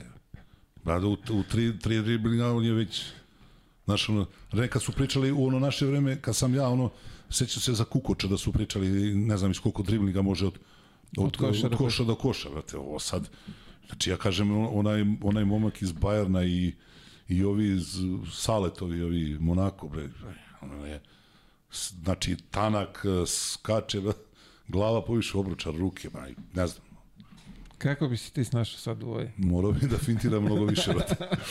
Znaš, kad kaže ovaj meni u Kragujevcu, taj što je učio, kaže, brate, ako vidiš nekog da skače dobro, samo jedna finta, ako ne skoči ti drugu lagano. Znaš, i onda, To je dobro ako je jedan, ovaj, ali, ako ih ima dvojica, da, da, da, da, ne funkcioniše. ne, boga. Evo, reci mi, kad ti počeo razmišljaš o kraju karijere? Naš, ono, u tom onom trenutku, kao što sam ti rekao, onda da, ja sam razmišljao bio da igram još naš, ovaj, ali vidi situaciju, m, Neša Nevrolić je bio, te godine kad sam se ja vratio u Partizane, znaš, Neša Nevrolić je bio direktor kluba. I Neša meni tad kaže, ajde ti, majstore, sad dve godine budeš iza mene da učiš, ja ću da, da učim sve poteze, ti dve godine učiš, ideš sa mnom, putuješ sa mnom, sve gledaš i onda posle dve godine kao da budem direktor kluba, znaš. I ja u tom trenutku 28, 29, ja kažem nešto, mogu ja još, da, zakačiš još dve, tri godine, otko znam, znaš. I onda sam, ovaj, o, o, nastavim da, kao da treniram, da igram, i tu zadnju godinu, to u Kragujevcu, što sam igrao do nove godine. Pazi, ja sam igrao do nove godine, bio sam najbolji skakač i asistent lige do kraja, po naš nekim statistikama. Ali nije bilo para to u Kragujevcu i ekipa se ra- rasturili, onda re, kažem, aj sad, porodica u Beogradu, žena, sin, ja u Kragujevcu u hotelu, razumeš, sad, a ne, ne primaš platu, šta ja sad da igram? Da, da, da. A da. pritom, pritom sam i njihovi, mogu da ti kažem, sam jedini, jedan od, ne jedan, nego jed- jedini koji ih nije ni tužio za pare, nikad, ni Kragujevac nije, znaš, nebitno, ali šta hoću ti kažem, i onda sam se vratio u Beograd i onda je Dule tu, ono što me pozvao, kao ajde da, da radiš ovo, kao mla, direktor mlađih kategorija. To. Tako se to izme, te promene neke, tako da sam realno tu brzo, brzo prestao to da igram. Eto. A nisi kao plan imao ne, Nisam, nešto nisam čime, uopšte, ćeš, nisam, čime bi ne, se bavio ne, to, ne. ne. Nisam. To je on, onako zanimljivo što Iz- uvek iznenada, pitam da. ovde sve ovaj, da li kad završavaju karijeru da li imaju, da li, da li znaju šta će da rade posle, to je pošto je, opet, što smo rekli na početku, karijera je onako poprilično kratka i treba imati plan i za Neki, posle da. ka- kako, kako i šta. Pa to, ono, kažem ti, u tom trenutku se tako desilo, evo već 20 godina sam tu. Pa dobro, lepo da potraje još, Pa kako, nadamo što se. bi se reklo, 50. Pa, ej, daj Bože. I imaš neki od tih teških momenata u karijeri da izdvojiš? Joj, pa, znaš kako imam, znači, imam dve situacije, na, na, na, na primjer, koje su mi naj, ovaj, ostale najžalije. Da vidi, najžalije mi je a, olimpijada u Barceloni. Znači, olimpijada u Barceloni, to je 92. godina. Ovaj, bili smo, sećam se na priprema nešto u Grčkoj, pa smo otišli na turnir neki u, u Francusku i onda u hotelu uveče sedimo večera neka i kaže sad slagaću te da li je Kića tad bio predsjednik Saveza ili ne, nisam siguran, ali Duda Duda kaže, momci, takva i takva stvar, kao uvedene su nam sankcije, izbačeni smo sa svih takmičenja i onda ovaj, kao se vraćamo, ne znam, imali smo soluciju da idemo u Solun ili u Atinu, nešto, znaš, da igramo sa Grcima neki prijateljsku utakmicu, da, da se oni pripreme. Ovaj, to mi je najžalije, znači najžalije mi je to jer ja sam bio, to je posle kupa šampiona, znaš, osvojenog, ovaj, gde mi, gde sam bio siguran u razgovoru s Dudom da ću bi, biti tu, znaš, bit ću među 12 sigurno, znaš. A to ti je, ako se sećaš, mislim da ako, aj, znaš sigurno to, Barcelona, znači tu su ti bili Jordan, Magic, Tako je, Dream Barkley, Team došao, da, to. Hakim, uh, Ewing, uh, Melon, ko je sve bio? Pippen, e, to, je- to ti je bio... David to ti Robinson, jel Jest, tako beše? To ti je bila Ameri, a, ekipa Amerike. To, to mi je bilo ono želja, znaš, sane, to mi je, to, to, to mi je najteži, ono, najteži mi to u, u karijeri palo. I druga situacija, ovaj, uh, evropsko prvenstvo u Atini. Znači, mi smo igrali kvalifikacije neke u Bugarskoj, znaš. To je ona priča kada je Pa- Palja ubacio na onaj penal jedan za produžetak, pa smo dobili Bugare u produžetku, znaš. A ovaj, i sad mi otišli dole u, Bugar, u Sofiju, ja nisam igrao, znaš, nisam igrao, bilo je tu, ne znam ja sad koliko je bilo, 15 igrača, znaš. I, ovaj, i sam neka utakmica, i Duda me, pusti me Duda nešto pet minuta pred krajem, znaš. I ja, majstore, gore negde na, na trojici, na penalu gore i sad ovi na klupi odmah palja, naš s, Diki šutni, ja Jaro šutni, znaš, on, ja šutem, ubacim jednu trojku, znaš. Sledeći napad, ja u ćošku pored klupe opet sam. Šutni, znaš, on, ja, 2-2. Za tih pet minuta ja ubacim tri trojke, znaš. 3-3 šutam trojke i sad slačionici, sad Duda, znaš kakav je Duda legenda, šta vi, ovo, znaš, on, odmah ove neki koji skinu, šta vi hoćete, ja pustim, bre, ovog, ovaj šubaci tri trojke, on sad u stragarima svi čitaju žurnal tamo, tri, tri šutnu trojke, pa šta ja sad njemu da, da kažem, znaš. I to je neka utakmica i sad sledeća situacija, to je možda jedno mesec dana pred tako evropsko ili nešto. I idemo u Atinu, igramo taj Akropolis kupe, znaš. I sad stvarno ja do tad nisam igrao, znaš, ništa. I sad Akropolis kup, prva utakmica sa Slovenijom. I sad otišli smo u veliku halu da igra Panathinaikosova Nova. I sad zapički sto, Duda sedi za zapičkim stolom. Evo, na primjer, ko ti, ja sed, ja, iz, pazi, mi tamo igrači svi, ono, bandaže, znaš, ono, sad, i on zove mene da dođem kod njega, znaš. I ja, ja on rekao, ma, gotov, znaš, ideš kući, je, sutra. I sad tamo palja, ludi, skida šorc, kao, sad će da bude kao gotov si tamo ovamo i sad ja sedim sad, a Duda neki papir, jeli kao razore, ovi tamo nešto kao dobacuju, ma kaj, ma, ma pusti, rekao, ma šta to oni kao. Vi, znaš, i onda mi Duda u tom trenutku kaže, vidi, do sad nisi igrao, danas počinješ da igraš, evo, računam na tebe, znaš, tu si sigurno, i vidi situaciju, ja sad tamo vratim ovi naši dalje tovare, da kažem, a dobro, idem kući sutra, razumeš ovo. I sad počinju utakmicu, ja među 12, razumeš, i sad ovi, ko šta je sad ovo, e, i, znači, kad se to sve namesti, znaš, u, ovaj peti, šesti minut, on me zove da uđem u igru, ja iz, iz odbrane dole, nek, igrali smo neku zonu, nešto ja iz, iz odbrane, iz reketa istrčim, presečem loptu i kontru.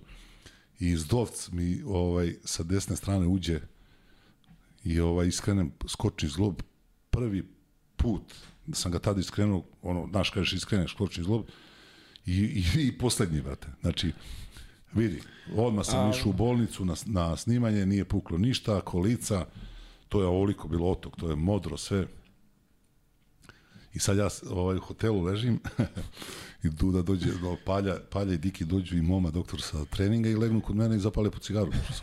I Duda uđe u sobu, šta je ovo, jeste vi normalni, šta ti doktor radiš, šta? Znaš, ova dvojica su uvijek tu prednjačili i tako da sam, ovaj, kad smo se vratili, pokušavao sam na sve načine da oporavim mnogo, ali nisam mogao. I, i Pera Zimonjić, kondici trener, mi je pomagao, probali smo nekim masažama i sve, ali to nije moglo da se vrati. Znaš, to je bilo, imao sam problem posle, na, mislim, jedno 6-7 meseci posle toga, znaš.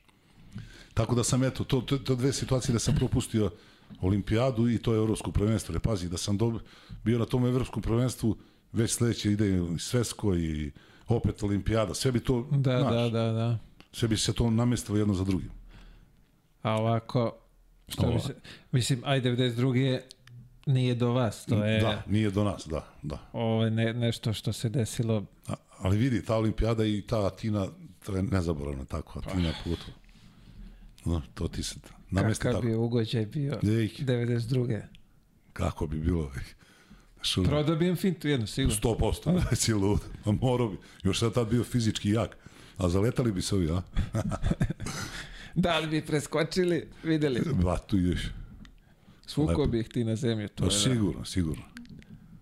Sigurno. Ostaje žal za tim, ali bože moj, šta da radimo. Ove, ajde sad ovako, daj mi savete za mlade. Šta bi ti posavjetao sad mladog igrača u ovom, s obzirom na igračko iskustvo i ovo koje imaš posle karijere? Evo, pa ovo, igračko i ovo što sam prošao i 20 godina u radu svojim, znači jednostavno Znaš, treba da imaju uh, veru i poverenje, da imaju veru u te trenere, znaš, koji ih, koji ih uče, koji se trude da im, ovaj, da im pokažu i da im objasne nešto, da ih uvedu u neki normalan život. Znaš, treba da imaju stvarno više poverenja, da slušaju više, više te trenere nego savete sa strane i sve ostalo. I treba, naravno, kao što smo pričali, treba da ulažu u sebe, treba da se školuju, jer nikad ne znaš dok li ćeš, dok li ćeš sa tim sportom da doguraš. Uh, treba, znači, da u, odricanja su velika, znamo svi, ali ako žele ne da može naprave... instant ništa. Jeste, ako žele da naprave neke ozbiljne karijere, znači moraju ozbiljno da se pozabave i sa... Uh, ja sam imao taj problem sa kilažom godinama, so, a kad čuješ koliko ljudi, pogotovo futbaleri, koliko ulažu tako, u, svoje tela i sve, dobro, mogućnosti imaju novca i sve. Znači jednostavno treba voditi računa i o svom organizmu, o svom telu u tim nekim trenucima. Treba imati dobrog savjetnika i kondicionog savjetnika isto dobro. Kako će da se razvije to telo, nikad ne znaš kako će ko da i do koje visine će, pazi, pričamo sad, znaš, jednom trenutku ti rastu noge, jednom trenutku rastu ruke, znaš, pa te boli ovo, pa te boli ono. Znaš, treba bi u nekom trenutku da staneš sa nekim treninzima, sa ovim, sa ovim. Znači, jednostavno, Eto, da, ali to opet, da, ali to opet vuče sad i i razumevanje tu i ljudi oko tebe, trenera, da razume yes, kad da si znaju, pod da nekim, znaju, tako je. Jel, što kažeš i ti si rasto naglo, ja sam rasto naglo, imali smo ozbiljne probleme i bolove. O, o, ozbiljne probleme i nisi imao kod, u tom trenutku da te posavetuje i, i da ti, ne daj Bože, dođeš u neke situacije, ti sad taj neki oporavak je mnogo lakši, jer tako i brži i tim terapijama i sve. Onaka, šta si ranije imao? Pa mislim, evo sad se vratim sad na ovu sezonu Kup šampiona. Znaš što smo mi pili? Oligovit i cedevitu. Imali smo onu u slačionici, znaš ono iz uh, posličanice, ono što vrtice. Eto, mi smo to imali u slačionici. I pili smo a, ovaj aspirin. Eto. Znači u tom, pričam ti 90. godina. A ovo sad ti sve i svašta imaš da se oporavi što pre i što brže. Znači, za uspeh vrhunskog sportiste treba oligovit, aspirin I CD, i Znači, to je jest, zatvorena jest. priča. Znači, ako ste vi mogli sa ta tri proizvoda da osvojite, ovo Da. sad je sve nepotrebno. Ovo je nepotrebno, da. Znači, vi ste prešli igricu. Aspirin, cedevita Aspirin, majke, pa to je oligovit. Brate. I što se, supradin. Au. Sad misli, a pazi to je, to je, ali relativno skoro, to je 30 godina, kapiraš. brzo Gdje- prošlo, brate, brzo a- a- prođe, brzo prođe sve. Baš brzo. Koliko je to uznapredovalo i, i sve do... Pa ne, a, Mile, sad sam se iznenadio, sad pričaš napred. Ja odem neki kadetski turnir pre, prošle, preprošle godine u Čačku, znaš. I sad izlazi iz hotela ovaj naši, naše dece idemo na utakmicu. Vrate, ovaj jedan nosi neke sunđere, ovaj neki aparat, ovaj neki on. Kaže meni fizioterapeut, pa znate šta, direktore kao ovi naši imaju opreme kao ovaj ovi uh, ova naša deca iz te ekipe imaju opreme kao kao ovi naši prvi tim kao za oporavak ono kažem brat šta šta oni to nose više razumeš to oni imaju te neke masažere neke e, elektrošokove šta imaju nemam pojma to, to je sad ma idi ono tekne noga brate uzmeš onaj led iz čaše od jogurta i trljaš brate po, Da, po je, bravo, ubaciš štapić Pa u čašu, pa skloniš onu plastiku. Pa štapić, noga po crveni, brate, dobiješ pekotine od leda, pa. Istina, Pa majke, jest, to pa se... jest. to je One, posle se pojavile one, one kese Vreće. za led, vreće. Vreće, da, bravo, zalede u, u čašu, štapić ubace, i od to. sladoleda i trljaj posle. To smo ti mi imali u pioniru te godine, naš imali frižider tamo i gore, čašice stoje. Odmah, brate, trljaš. Ne, ono je kao, znaš, ideš u, kao onaj ledomat i tamo, kakav ledomat, nema to. Dobro da niste ovaj kupus i, i paradaj stavljali. da. E, dobro, to stavljalo su i to je, u selu kad je bilo. Ili luk. Haos. Kakva su to vremena bila, čoveče, pa to je... Dobro, znaš, ovo, dobro smo mi živi. Do. Ne, vidi, ali što kažeš dobro, št- šta smo mi sve zakačili te, ti godina, te na, naše generacije i to, znaš, te sankcije, pa bombardovanje, pa rat tamo, pa ovo sa Hrvatskom, pa naš, prođe ti znaš, sad kažeš, prođe, prođe ti karijera u tim nekim lošim ovaj, iskustvima je to sve i onda kad dođeš, znaš šta je isto stalno ono, ono vreme, znaš, ja 26 godina, 27 mi kažu mator igrače, znaš. Mator igrač sa 26-7 godina, a, a tad nisi mogo da odeš nigde pre 25-6 godina. A sad ovi igraju sve do 35-40. Zato ti ja kažem, treba da igraju dok ne mogu. Dok god osjećaju da su sposobni i zdravi, dok Pa da, telo može da Dok telo može, da. Cepajte. Cepajte. Približili smo se, što bi rekli, doterali smo ga do zida. A- Ja ovde sad imamo jednu stvarčicu.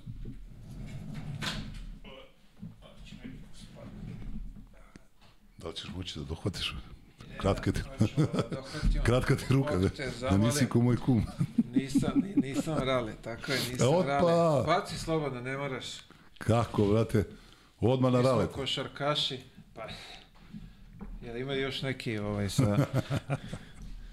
Joj, brate, nema. Ne, ima neko ovde da, da ne pričam sa nekim pa da se... A? Uh, ne znam, to moraš da proveriš. Šalim se, šalim se kakvi.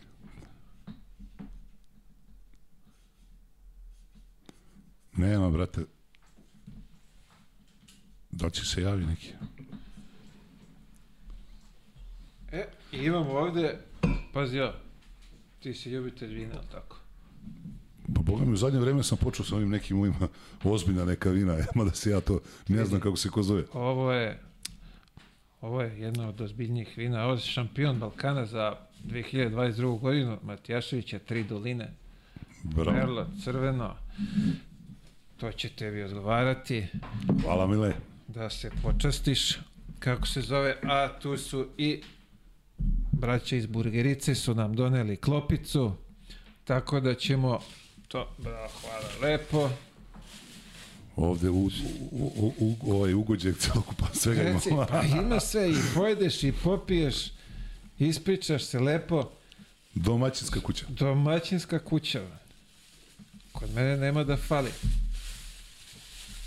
Tako je, tu je sve što smo poru... A kako ćemo sad lepo da... Hvala im, hvala, hvala i tebi na, na izvojenom vremenu. Nadam se da si uživo, osjeća se prijatno, što bi se reklo. Super, znači, ne znam koliko sedimo, ali brzo Prole, pro- proleti prođe brzo vreme, sve, kad kad se- ispričaš, kad se setiš tih nekih stvari, znaš, uvek to e- emocije nekad prorade i tako, ali dobro, sve, sve to, znaš, broj, brzo prođe, znaš, brzo prođe, to je jedino što ti ostane, tako ti, ti neki doživljaj koji si prošao i da pričaš kako je bilo i šta je bilo. Što je rekao, ja vidi sad, ne mogu se, aj neću citiram da se ne glupiram, čovekovo ime sam zaboravio, ali nebitno. Ovaj, to je nešto što smo, ovaj, što je iza nas i čega se rado sećamo i uvek nam je, što ti kažeš, kad krene priča, ona samo se otvara i nadovezuje se. Da, pa da. Tako da Sinđa je otvorio, pa ćemo sad da, da, da, da kopamo, da vidimo Jest, šta jest. ćemo još da, da izvučemo tu. Stragi, hvala ti mnogo. Još jednom želim ti svu sreću porodično i što bi se reklo poslovno vamo da to sa, sa uspehom Hvala sezonom puno. privedete kraju. Tako je. Hvala puno, znači bilo mi je super, velika podrška i samo napred. Hvala, hvala, hvala do neba i hvala i vama, dragi gledalci, što ste uz nas, što pratite. Nadam se da ste uživali u ovim Stragijevim čarolijama. Do sledeće srede. Pozdrav!